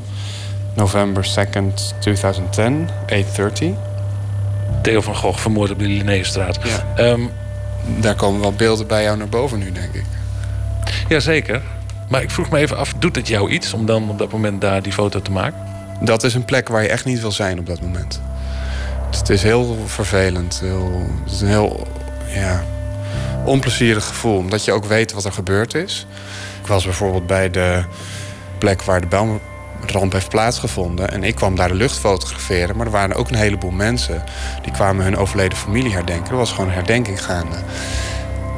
En ik heb dan heel sterk het gevoel, ik hoor hier niet. Terwijl ik ja, daar natuurlijk wel ben om zo'n foto van de lucht te maken. Dus het is een heel raar gevoel. Want bij elke foto ben je op de, nou ja, zeg maar de verjaardag van het, van het feit of de ramp in kwestie daar geweest? Ja.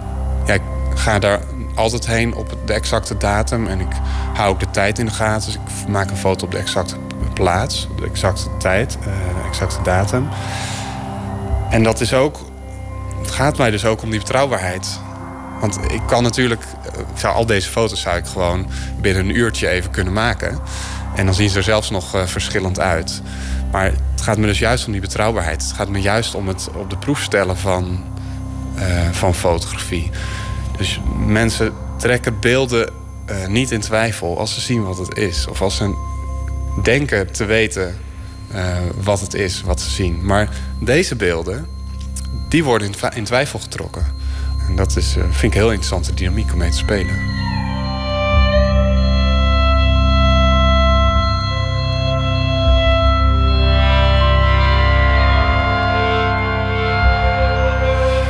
Maar hoe kijk jij dan naar dit soort dingen? De, hoe duidelijk dit ook is. Als je nu kijkt naar die, naar die foto's van al die uh, lijken hier. Ook, ook bij dit soort fotografie gebeurt dat. Ga je associëren, ga je bedenken wat zou hier gebeurd kunnen zijn. Ja, het gebeurt eigenlijk bij, bij alle soorten fotografie. Word je, word je gedwongen om te gaan associëren. En om, uh, word je in principe teruggeworpen op je eigen ja, geheugen, op je, op je eigen context. Uh. Maar is daarmee zeg maar, iedere poging in juridische zin om iets zo neutraal mogelijk vast te leggen, is dat, is dat ijdel? Nou, ik denk wel dat fotografie bewijslast kan zijn en dat, je, uh, dat, het, dat het zo wel kan, uh, kan werken. Maar het is natuurlijk een onderdeel van, van de hele context. Je hebt, ja, je hebt allerlei andere bewijsstukken heb je ook nodig om te laten zien van nou, dit is er gebeurd. En als je alleen die fotografie hebt, dan kan je het wat mij betreft wel vergeten met je bewijslast. Want dan weet je eigenlijk nog niks vertelt wel een verhaal natuurlijk. Want je ziet iemand liggen op de grond... of je ziet een bloedvlek op een stuk uh, katoen, wat we net zagen. Maar wat voor bloedvlek? Van wie? Wie is die man die er op de grond ligt? Top Gun 556, checker, transponder setting. Terug naar de expositie. Het is een tijdreis door 100 jaar fotografisch bewijsmateriaal. Foto's van vermoorde individuen, luchtopnamen na bombardementen films die gebruikt zijn tijdens de Nuremberg-processen. En als slot, uit onze tijd, beeldmateriaal van na een drone-aanval.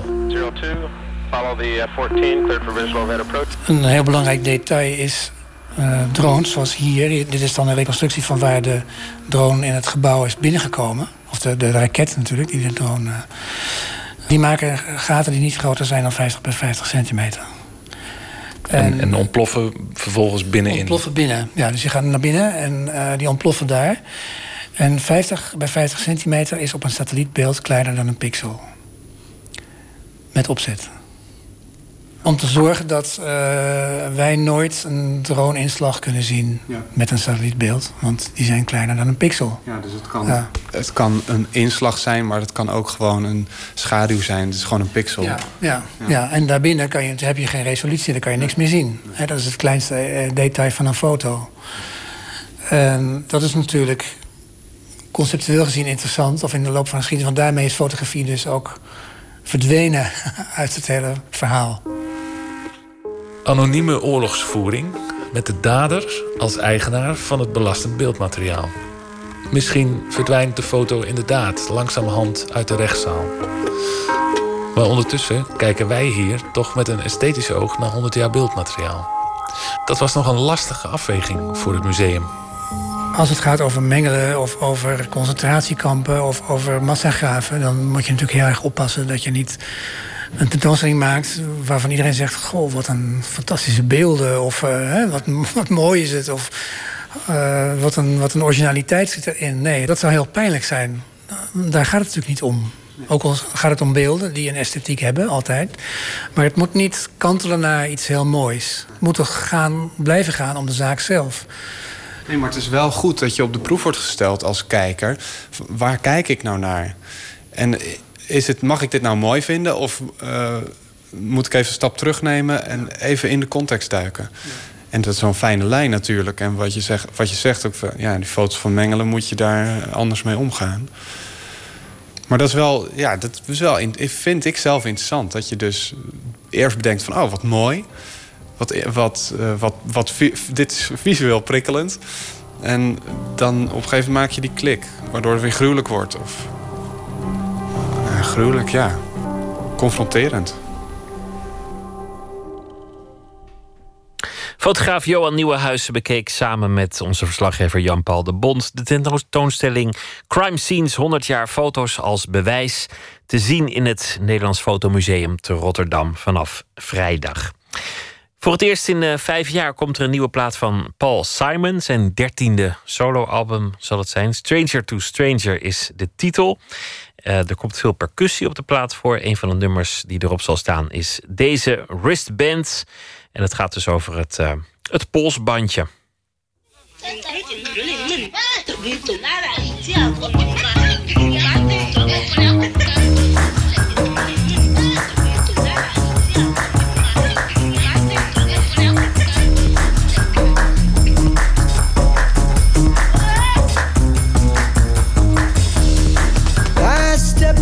Outside the backstage door to breathe some nicotine. And maybe check my mailbox, see if I can read the screen.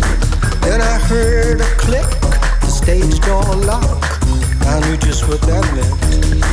I'm gonna have to walk around the block if I wanna get in a wristband, my man.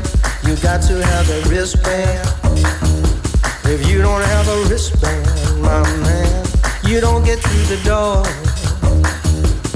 Wristband, my man, you got to have a wristband.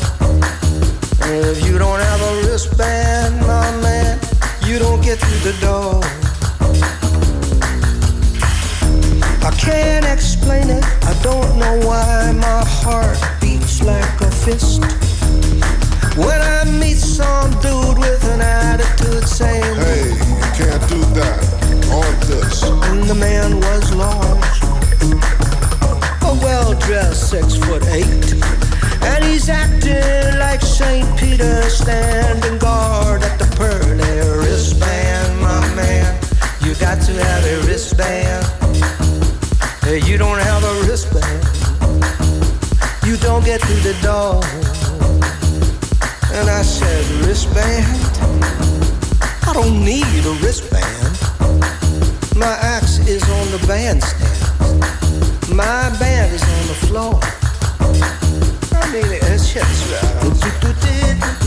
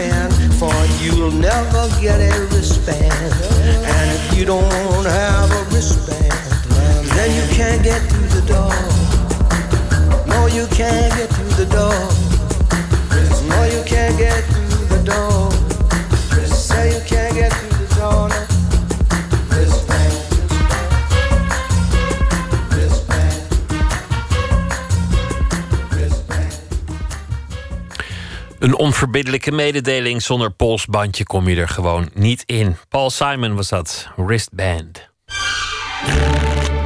Open kaart.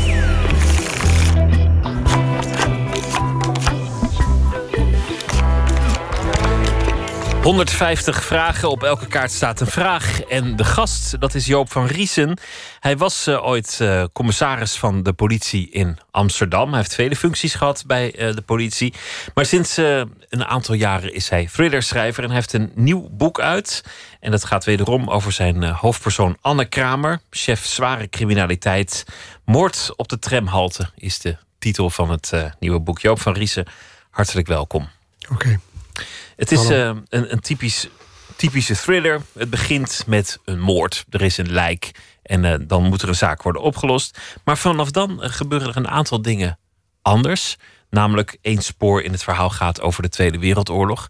En dat is ook een beetje geïnspireerd op, op je eigen familie. Vertel. Ja, klopt. Het is eigenlijk een, um, een beetje een combinatie van werkelijkheid en fictie. Het is natuurlijk een fictieverhaal. Hè. Er gebeurt een moord in Amsterdam, huidige tijd. En uit het onderzoek blijkt dan uiteindelijk dat de politie terecht gaat komen in Bloemendaal. En de basis van het verhaal wat ik daarbij gebruikt heb, is de basis van is, is eigenlijk het familieverhaal van mijn oma. Met een aantal kinderen die dat in Bloemendaal hebben meegemaakt in de oorlog. En um, ja, daar is eigenlijk bij het begin van dit boek, bij het schrijven van dit boek, is dat idee ontstaan van: kan ik de basis van die gebeurtenissen ook gebruiken in, in de serie, in de Anne Kramer-serie? Dat is natuurlijk eigenlijk een wonderlijke gedachte. Want dan denk je, ja, hoe, hoe kun je nou iets van 70 jaar geleden terugbrengen naar nu? Of omgekeerd, bij wijze spreken. Dus Het is slechts een idee bij het begin van het schrijven van het boek van... oké, ik pak die familie in de Tweede Wereldoorlog en dan begin ik. Ehm, ik weet nooit hoe het eindigt. Ik wist ook niet wat het verband was tussen die twee dingen. Tussen de moord en, en, en eh, datgene wat in de oorlog is gebeurd en zo. Maar gewoon aan de slag gegaan en toen ontvouwde het zich. Ja, en zo gaat het een beetje bij al mijn boeken. Dat, ehm, ik weet het niet hoe dat loopt. Vertel eens iets over, over de, de geschiedenis van, van de familie in, in Bloemendaal. Een grote villa en, en langzaamaan wordt dat een soort haard van, van verzet. Wat, wat is daar gebeurd? Ja, je zou. Ik zou het vanuit het boek is ook opgedragen aan mijn oma. Dus vanuit mijn oma even kunnen vertellen. Er was een vrouw, begin van de oorlog van uh, jaren 55, 56. Haar man was in het jaar daarvoor een hartaanval overleden. Uh, dus stond er alleen voor. Uh, er was een kwekerij en een van de andere kinderen moest toen. Een van de kinderen moest die kwekerij overnemen. Um, er waren acht of negen kinderen. Een aantal waren de deur uit en een aantal waren nog thuis. Dus zo was de situatie zo rondom 41. En een van de kinderen, uh, Henk, uh, later de bekende professor uh, van Riesen, um, die kwam in het verzet terecht. en, en dat is een, een organisatie, een landelijke organisatie voor hulp aan onderduikers. Die organisatie is vrij groot geweest in Nederland. En eigenlijk um, gebaseerd op de infrastructuur van de christelijke netwerken. Het is heel... Vanuit een soort plichtsbesef. Ja, dat ook. Maar ze hebben ook gebruik gemaakt van die infrastructuur. Dus, dus dat begon lokaal, ging naar regionaal. En vanuit dat christelijk geloof pakte men dan die dingen op. Er hebben in totaal 15.000 mensen hebben daaraan meegewerkt. En, en vanuit die situatie werden onderduikers eigenlijk aangevoerd naar Bloemendaal en hebben daar in dat grote huis op die zolder gezeten. Um, er zijn mensen binnengekomen, zijn weer doorgesluist naar volgende uh, adressen enzovoort. En dan moet je je voorstellen dat rondom uh, die plek daar in Bloemendaal. Het had, uh, Bloemendaal ligt vlak achter die Atlantikwal. Bloemendaal staat stikvol met Duitsers. Dus vlak naast de deur zaten daar honderden Duitse soldaten. Iedere keer kwamen daar pelotons aan enzovoort. En dat ging om dat huis heen, bij wijze van spreken. En bovenop zat dat vol met uh, onderduikers. Dus ik dacht wel eens tijdens het schrijven... wat moet die vrouw, mijn oma, toen wel gedacht hebben... dat op een gegeven moment zijn twee kinderen ook door verraad gearresteerd door de Duitsers... hebben vastgezeten. Um, uh, die spanning, Duitsers daaromheen. Ze zat er alleen voor. En op een of andere manier was het een rustige vrouw. Die vaak zat te lezen. Die heel nieuwsgierig was naar nieuwe dingen. Alles wilde weten enzovoort. Um, achter nu bij het schrijven had ik was iets van... Joop, hoe is het toch mogelijk dat je toch toen je 30 jaar was... niet met die vrouw gepraat hebt? Met je oma daarover. En waarom, waarom niet? Was dat niet de sfeer of was Nou, dat niet gepast? Dat, dat, dat had misschien gekund, maar nooit aan gedacht. Hè? Dus je was aan het werken, ik was aan het werken in Amsterdam. Dus laat staan dat je dacht over de oorlog. Maar nu achteraf, nu ik er zo mee bezig was... iets van, oh, wat had ik graag met die vrouw gesproken... om te horen wat zij dacht, wat ze voelde. Ehm, ja, dat kon ik in het boek alleen maar zelf bedenken, Gissen. bij wijze van spreken. Hè? Dus, eh, maar het is, uit, uit het beeld en de verhalen die ik wel gehoord heb... is mijn oma was een hele rustige dame. Die, die was eigenlijk ehm, ja, veel te rustig voor zo'n situatie. Want je vraagt je tijdens het schrijven allerlei dingen af. Hoe werd het eten verzorgd voor al die mensen bovenop eh, op zolder? Hoe ging dat? Hoe, hoe werden dingen, dus de dagelijkse dingen allemaal gedaan... Hè, zonder dat de Duitsers dat in de gaten hadden? Eh, ik ben zelf geboren in de oorlog, eh, dus in 1943, dus ik was een kleintje. Maar mijn moeder heeft mij wel eens verteld dat ergens het eind van de oorlog... ik kon kennelijk met twee jaar wel lopen. Nou ja, dat is wel normaal dat ik toch gewoon naar de Duitsers wandelde... en met brood terugkwam. Dus ja, het is Wonderlijk. wonderlijk, ja. En hoe dat dan weer eh, past in, in de serie, dat kan ik niet vertellen, want dan raak ik wel heel erg aan het plot. En dan moet je het met spannende boeken nooit doen. Laten we beginnen. Ik wil, ik wil je vragen om een kaart te trekken. liefst ergens halverwege. Poh, wat is je favoriete personage uit boeken, films, theater? Ja. Ja.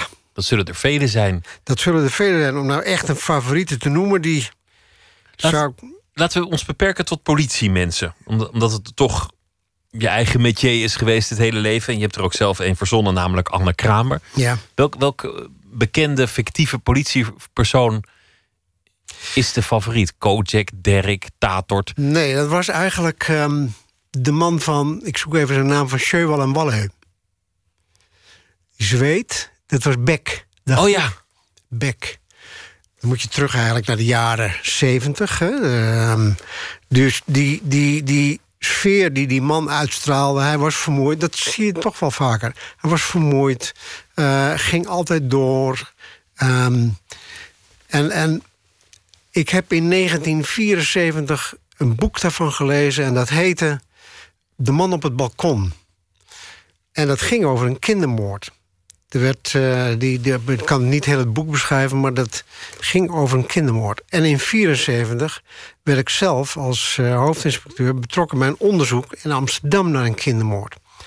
En tot mijn stomme verbazing had ik dingen in dat boek gelezen die ik ook meemaakte in dat onderzoek in Amsterdam. het is het bekende onderzoek geweest van uh, de moord op twee kinderen, Basje Bloemena en Helene Isaac die kinderen, die acht, negen jaar, die toen vermoord zijn door de tijdschriftenverkopers. Een hele bekende zaak geweest.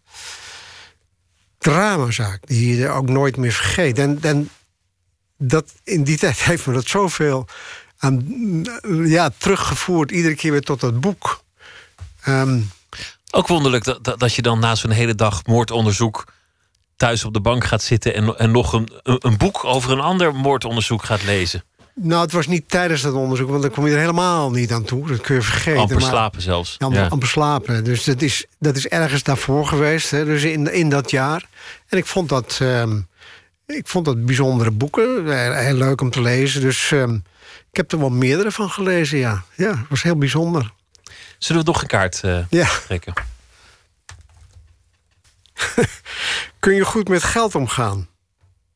Ja. Ik denk het wel. Um, ik kom uit een gezin. Uh, mijn ouders, uh, mijn vader was groenteman. Ik vertelde al in die geschiedenis van de oorlog. Zijn vader was overleden, dus hij moest die kwekerij overnemen. En bij die kwekerij in Bloemendaal hoorde ook dat groente rondgebracht werd naar, uh, naar klanten in Bloemendaal. Rijke klanten, hè, vergis je niet. en met paard en wagen reed hij daar rond. En uh, later, toen ik een jaar of elf was, uh, is hij begonnen met een winkel in Haarlem. En dat is nooit rijkdom geweest. Ieder dubbeltje werd omgedraaid. Ik heb moeten, je hebt van kinds af geleerd dat, uh, dat ja, geld niet iets is wat je, wat je, wat je maar rondstrooit. Dus, dus ik heb nu nog dat mijn vrouw wel op een gegeven moment een trui voor mij koopt. Naar mij thuis komt. Want als ze tegen mij zegt: Kom, je moet een trui kopen. Dan zeg ik: Ja, maar er hangt toch één in de kast. Waarom zou ik dan een trui kopen? Ja, je moet schoenen kopen. Ja. Het is natuurlijk ook zo dat je als politieman de keerzijde van hebzucht wel hebt gezien. Dat heel veel misdrijven gaan daar uiteindelijk over. Mensen die meer willen, die niet genoeg hebben, die, uh, die, die inhalig zijn. Ja. ja, ik heb daar. Een van de boeken gaat er ook over. Ik weet niet meer, het derde of vierde boek, De Bonusmafia. Dus eigenlijk gewoon een beetje dat verhaal van.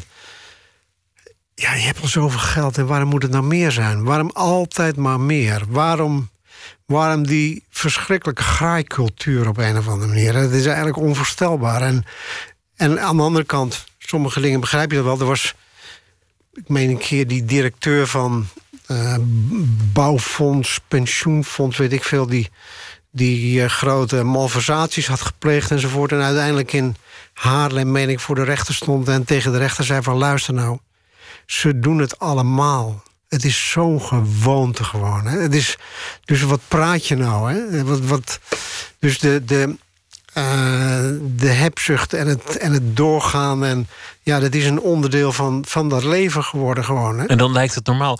Ik, ik las in de krant dat in, in Zweden, en het speelt in andere landen ook, het, steeds moeilijker wordt om politiemensen in het beroep te houden, omdat dat ze gewoon vinden dat ze te weinig verdienen en, en er vandoor gaan. Dat is natuurlijk in, in veel landen langzaamaan een probleem aan het worden. Dat mensen denken, ja, het is een zware baan, een onregelmatige baan, een, een soms gevaarlijke baan. Ik kan elders meer krijgen. Ja, ehm, dat, dat, dat is ook zo. Dat is, een, eh, dat is altijd een lastig gegeven van de verdiensten ten opzichte van de, de, inhoud van de baan.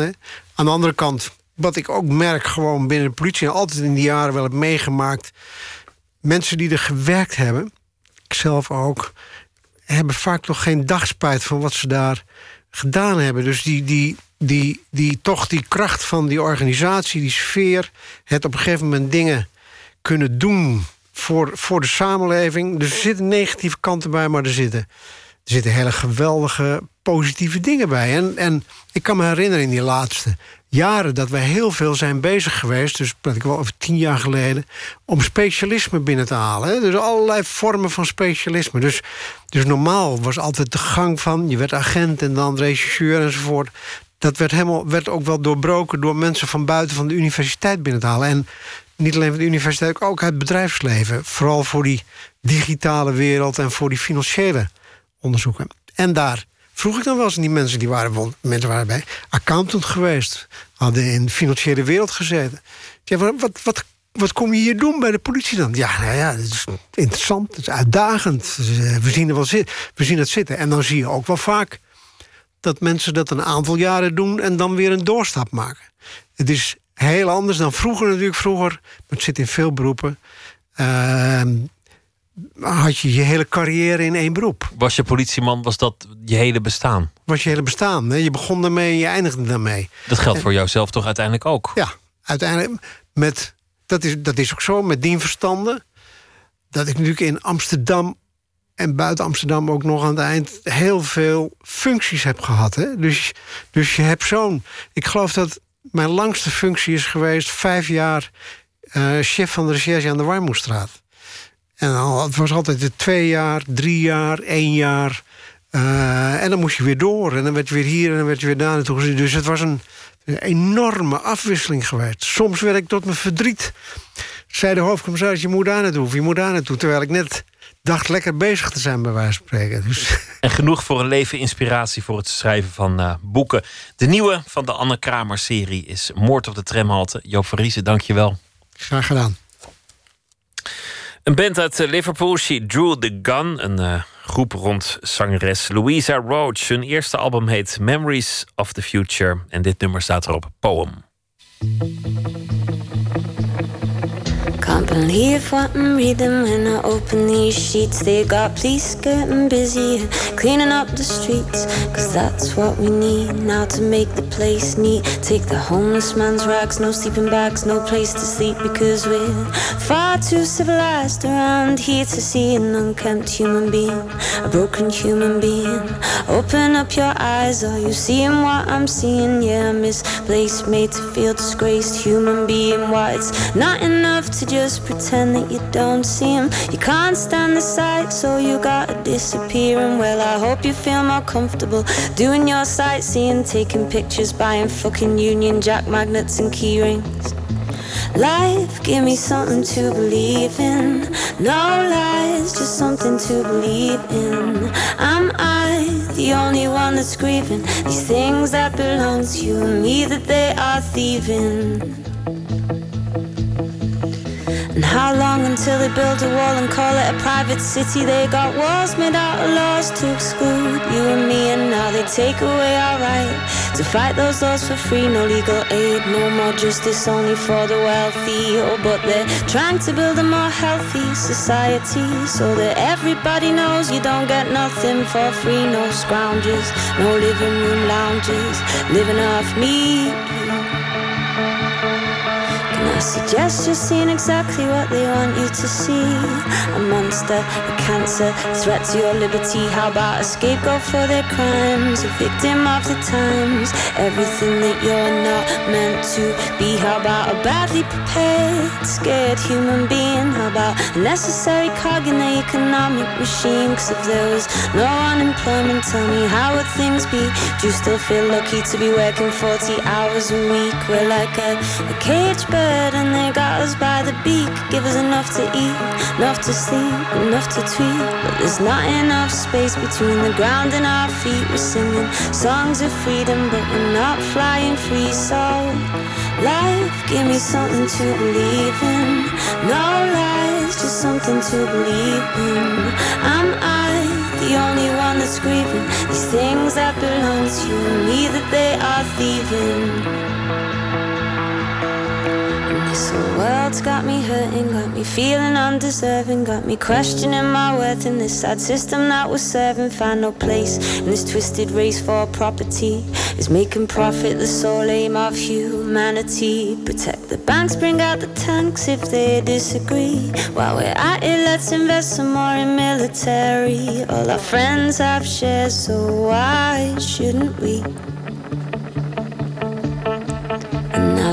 Markets are demanding that we give away for free everything our grandparents fought for to some company. It's called wealth creation. Yeah, it's more efficient, you see. I'm sorry, I forgot the free market would set us free. I forgot to only think about I, man, and me. While brothers and sisters have nothing to eat.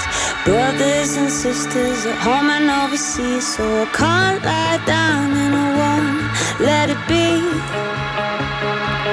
While we are working for a market that doesn't work for we. Things that they're thieving, the yours and mine. You know that they're stealing, but there's still time if you feel this way too.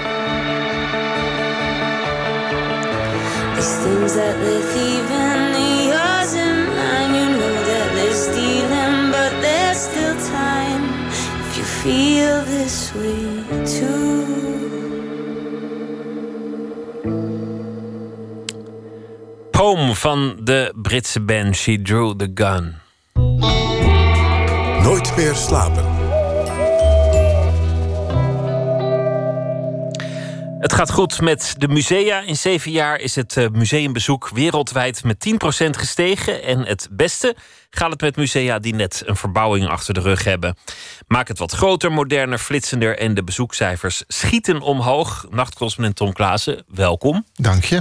Lijkt me wel een beetje een, een wapenwedloop. Al die grote musea die hebben zich uh, laten verbouwen de, de afgelopen jaren. Ja, Van dat het is een, stedelijke, uh, het Rijkse, Tate, nou ja, noem maar op. Dat is een goede typering. Er is inderdaad een regelrechte verbouwingswetloop aan de gang. Het is echt een trend in de museumwereld. Inderdaad, van het Tate Modern in Londen, dat binnenkort heropent, naar de fundatie in Zwolle worden er overal uh, futuristische gevels en op- en aanbouwtjes neergezet. En dat zijn niet de lulligste projectjes. Het is allemaal een en al prestige wat je ziet. Geen simpele aanbouwtjes of uh, noodgebouwen, maar gebouwen die getekend worden door wereldberoemde architecten. Miljoenen projecten. De Art Newspaper die deed een wereldwijd onderzoek naar die trend en de gevolgen ervan. En daar blijkt onder meer uit dat er een vuistregel voor het effect van die verbouwingen bestaat. Namelijk iedere 100 miljoen euro investering in grotere of nieuwere huisvesting... die leidt tot minstens 100.000 extra bezoekers. Dus voor iedere duizend piek heb je één extra bezoeker over de vloer. Dat is toch niet gering. Maar ook niet genoeg. Ik bedoel, ze moeten wel terug blijven komen. Anders heb je 1000 euro per bezoeker besteed. Ja. Dus, de, dus dat is de, de grote vraag. Is het er wel om te doen? Is dat wel de reden waarom iedereen aan het verbouwen is geslagen? Om, Ja. Omdat ze die bezoekers willen? De directeuren die zeggen in de Art Newspaper... dat hogere bezoekcijfers een gevolg van die uitbreidingen zijn... en niet andersom. Dat ze het niet doen eh, om hogere bezoekcijfers te krijgen. Maar daar is inderdaad niet iedereen van overtuigd. Dat ligt natuurlijk ook meest voor de hand als formeel antwoord. Uh, bezoekersaantallen zijn wel heel erg belangrijk. Musea worden er vaak op afgerekend. En de hoofdreden die verder gegeven wordt... is simpelweg de ruimte. De collectie die groeit continu. Men wil veel laten zien en kampt met allerlei vormen van ruimtegebrek. Er moeten oplossingen voor worden bedacht. Zo bouwt bijvoorbeeld het Boymans van Beuningen... een publiek toegankelijk bovengronds depot. Dit is zakelijk leider Ina Klaassen in een documentaire van de AVRO. En gedurende die planontwikkeling hadden we bedacht... wat kunnen we er nog meer mee doen dan alleen een saai depot... op een industrieterrein met een hek en een hond en dan uh, klaar. Toen dacht nou, het zou nog veel aardiger zijn. We kunnen eigenlijk maar 8% van onze collectie uh, laten zien. Of op zaal of reizend over de hele wereld. Uh, we hebben 145.000 stuks. Waarom niet veel meer laten zien? Want het is tenslotte een publieke collectie. En toen is het idee ontstaan om het dan ook maar echt een publiek uh, toegankelijk depot van te maken. Is dat het eerste in Nederland? Is dat, is dat eerste ter wereld. Eerste ter wereld? Ja. Toegankelijk depot. Maar hoeveel, want nu zeg je 8%, naar hoeveel procent gaan we dan? 100. Iedereen kan alles zien? Iedereen kan alles zien. Het is eigenlijk een paradox, hè? een toegankelijk depot. Hang je iets nou op of hang je het nou niet op? Het is een beetje getut halverwege. Ja, je, je zou zeggen van waar is de selectie gebleven? Hè? Maar het, is toch, het, het wordt toch ook heel erg belangrijk gevonden... zeker als die collecties groeien om zoveel mogelijk te laten zien. En Want het is een publieke collectie, dus het bezoekend publiek heeft ook recht om alles te kunnen zien. Ja, eigenlijk eh, daar komt het wel een beetje op neer, ja. ja en daarom zijn die vierkante meters zo'n ontzettend belangrijke factor. En veel musea die zitten in hele kleine 19e-eeuwse krappe gebouwtjes... voldoen ook niet aan de huidige eisen die datzelfde publiek aan een museum stelt. En dat brengt me op een tweede belangrijke reden voor veel musea om te verbouwen. Namelijk een manier om een nieuwe schwung, een nieuw elan aan een oud museum te geven. Daarom bouwden ze bijvoorbeeld in Zwolle dat gigantische keramieke ei bovenop het dak van de fundatie. En Amsterdam een badkuip aan het Stedelijk Museum. Dat vindt niet iedereen een succes. Dit is architectuurhistoricus Wouter Davids, expert op het gebied van museumverbouwingen. Ik vind dat niet. Ik ga er niet onder stoel of banken steken dat ik uh, de verbouwing van het Stedelijk Museum een heel echt geen geslaagde verbouwing vind. En dat het gebouw, omdat het echt alleen maar inzet op een opzienbarend gebouw te realiseren, als de architectuur daarop inzet, is het zelden interessant of boeiend. Ik vind het Stedelijk Museum absoluut geen boeiende verbouwing. Integendeel, ik vind dat het gebouw er heel erg op achteruit is gegaan. In een nieuwbouw, die badkuip, is, is echt een uh, heel, zoals we in het Vlaams zeggen, triestige affaire. En dat is heel, heel jammer, vooral omdat men bij, bij het Stedelijk Museum een van de mooiste gebouwen van de 20e eeuwse museumarchitectuur met de grond gelijk gemaakt heeft, namelijk het Zandbergpaviljoen. Ja, het Stedelijk Museum van Amsterdam heeft volgens David te veel aandacht gestoken in de garderobe en de cafetaria en de broodjes en de grote glazen pui aan de voorkant, gericht op het uh, stroomlijnen van bezoekersstromen en het gemakkelijk verstouwen daarvan. Maar het levert nauwelijks interessante en goede tentoonstellingsruimte op volgens hem. Dat had die Sandberg-vleugel blijkbaar wel. Terwijl de ideeën over licht en lucht en ruimte van toen niet eens zo heel erg veel afwijken van het huidige. Dit fragment komt uit de jaren 50. Kijken naar kunst is kijken naar de beweging van de samenleving. Dus moet, volgens Sandberg, iedereen ongehinderd naar kunst kunnen komen kijken. Dat betekent een speciale opstelling van de schilderijen. Een direct contact, bezoeker, schilderij. Lage abonnementsprijzen, schoolkinderen het museum in. Glazen deuren en glazen buitenmuren. Iets wat je tegenwoordig ook vaak hoort. Hè? De dialoog aangaan met de omgeving. Een symbiose met de stad. Ja. Van buiten naar binnen en van binnen naar buiten. Mooi, hè? Maar wat ze bedoelen, dat is, dat is niet altijd even duidelijk. Nee, meestal wordt daar eigenlijk gewoon mee bedoeld... dat een oud gebouw in een oude binnenstad... een hypermoderne vleugel krijgt... die de bezoekers en de bewoners uh, moeten pikken. Mooi moeten vinden zelfs. En uh, een van de grote successen wat dat betreft... is dat Zwolse Museum De Fundatie. Daar tekende architectenbureau Bierman Henkert... voor de verbouwing. Zij mengen oud en nieuw en traditie en innovatie door elkaar... naar eigen zeggen. Volledig die enorme, nieuwbouw. Die enorme koepel die ze erop hebben ja, precies. Dat grote blauwige keramieke ei dat nu boven Zwolle uittorent. Uh, volledige nieuwbouw, dat streeft dat architectenbureau meestal niet na. Ze willen aanpassen wat er al bestaat. Dat zie je ook bij andere projecten die ze gedaan hebben. Het Museum-eiland in Den Bosch en het Onderwijsmuseum in Dordrecht... in een oud gebouw van Siebold van Ravenstein. Um, nou ja, goed. En bovenop het dak van dat 19e-eeuwse gebouw in Zwolle... werd dus dat keramieke, ellipsvormige soort kolossaal ei gezet. Gewaagd. En iedereen vindt het prachtig. En dat zie je ook terug in die cijfers waarover ik het net had. Het uh, Rijksmuseum heeft 3,6 extra bezoekers per geïnvesteerde 1000 euro. Het Mauritshuis 8. En de fundatie 33. Dus je zou zeggen dat zij uh, het gouden ei hebben gevonden. Uh, bijna letterlijk, de succesformule. Directeur Janneke Bierman van Bierman Henk... het was vandaag niet bereikbaar voor commentaar... maar over dat extreme succes heeft ze wel een interessante mening. Dit is haar tijdens een lezing in 2014 in het museum van Aspen. When Ralph Koenig uh, was appointed the, uh, the fundatie... Uh, it had 15,000 uh, visitors a year, and since the extension, the number of visitors has increased in more than 200,000. This growth in museum visitors also means an enormous growth in the number of tourists who come to this small provincial town. And the iconic character of the museum extension has altered uh, Zwolle's image. It is no longer a small, dull provincial town, but a contemporary provincial capital where there is opportunity for innovation and where art, art is accessible to all. Especially the young people say that, that there now is finally something is happening in, in town. So that's nice.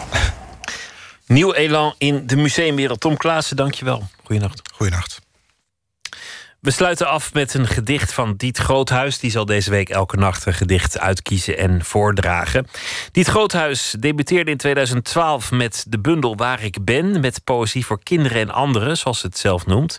En als poetsgoeroe heeft ze vorige maand ook het grote Poetsboek uitgebracht. Deze nacht zal ze ons uh, achterlaten met een gedicht van Hans Andreus.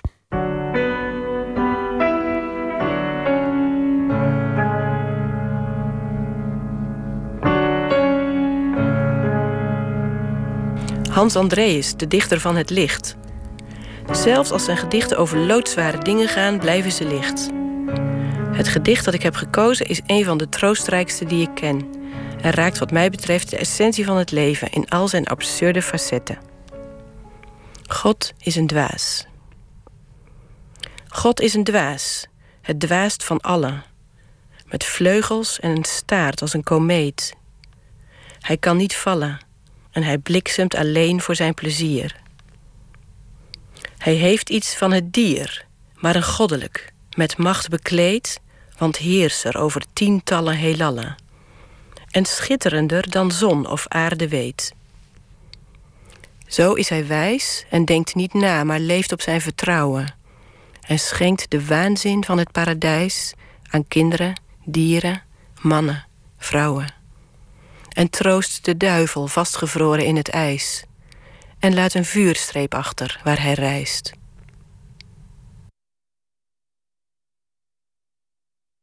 Een gedicht van Hans Andreas was dat. En daarmee zijn we aan het einde gekomen van deze aflevering van Nooit meer slapen. Werd voorgedragen en geselecteerd door Diet Groothuis. Hanko Kolk komt morgen langs. Een van de bekendere striptekenaars van Nederland. Hij heeft uh, heel veel strips op zijn naam staan. En wie een uh, lokale krant leest, kent ongetwijfeld ook zijn strip. Single van, uh, van Kolk verschijnt nu De Man van Nu. Een ultramoderne Romeo en Julia. Die zich afspeelt in twee verschillende tijdsdimensies. Dat gaan we morgen allemaal wel uitleggen en bespreken.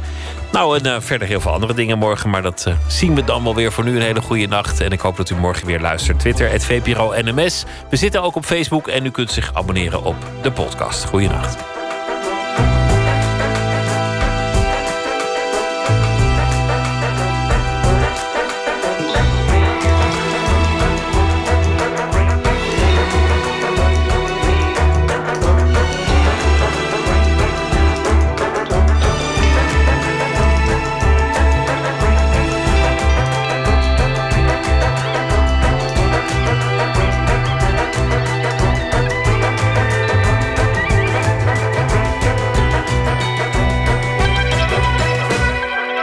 Radio 1. Het nieuws van alle kanten.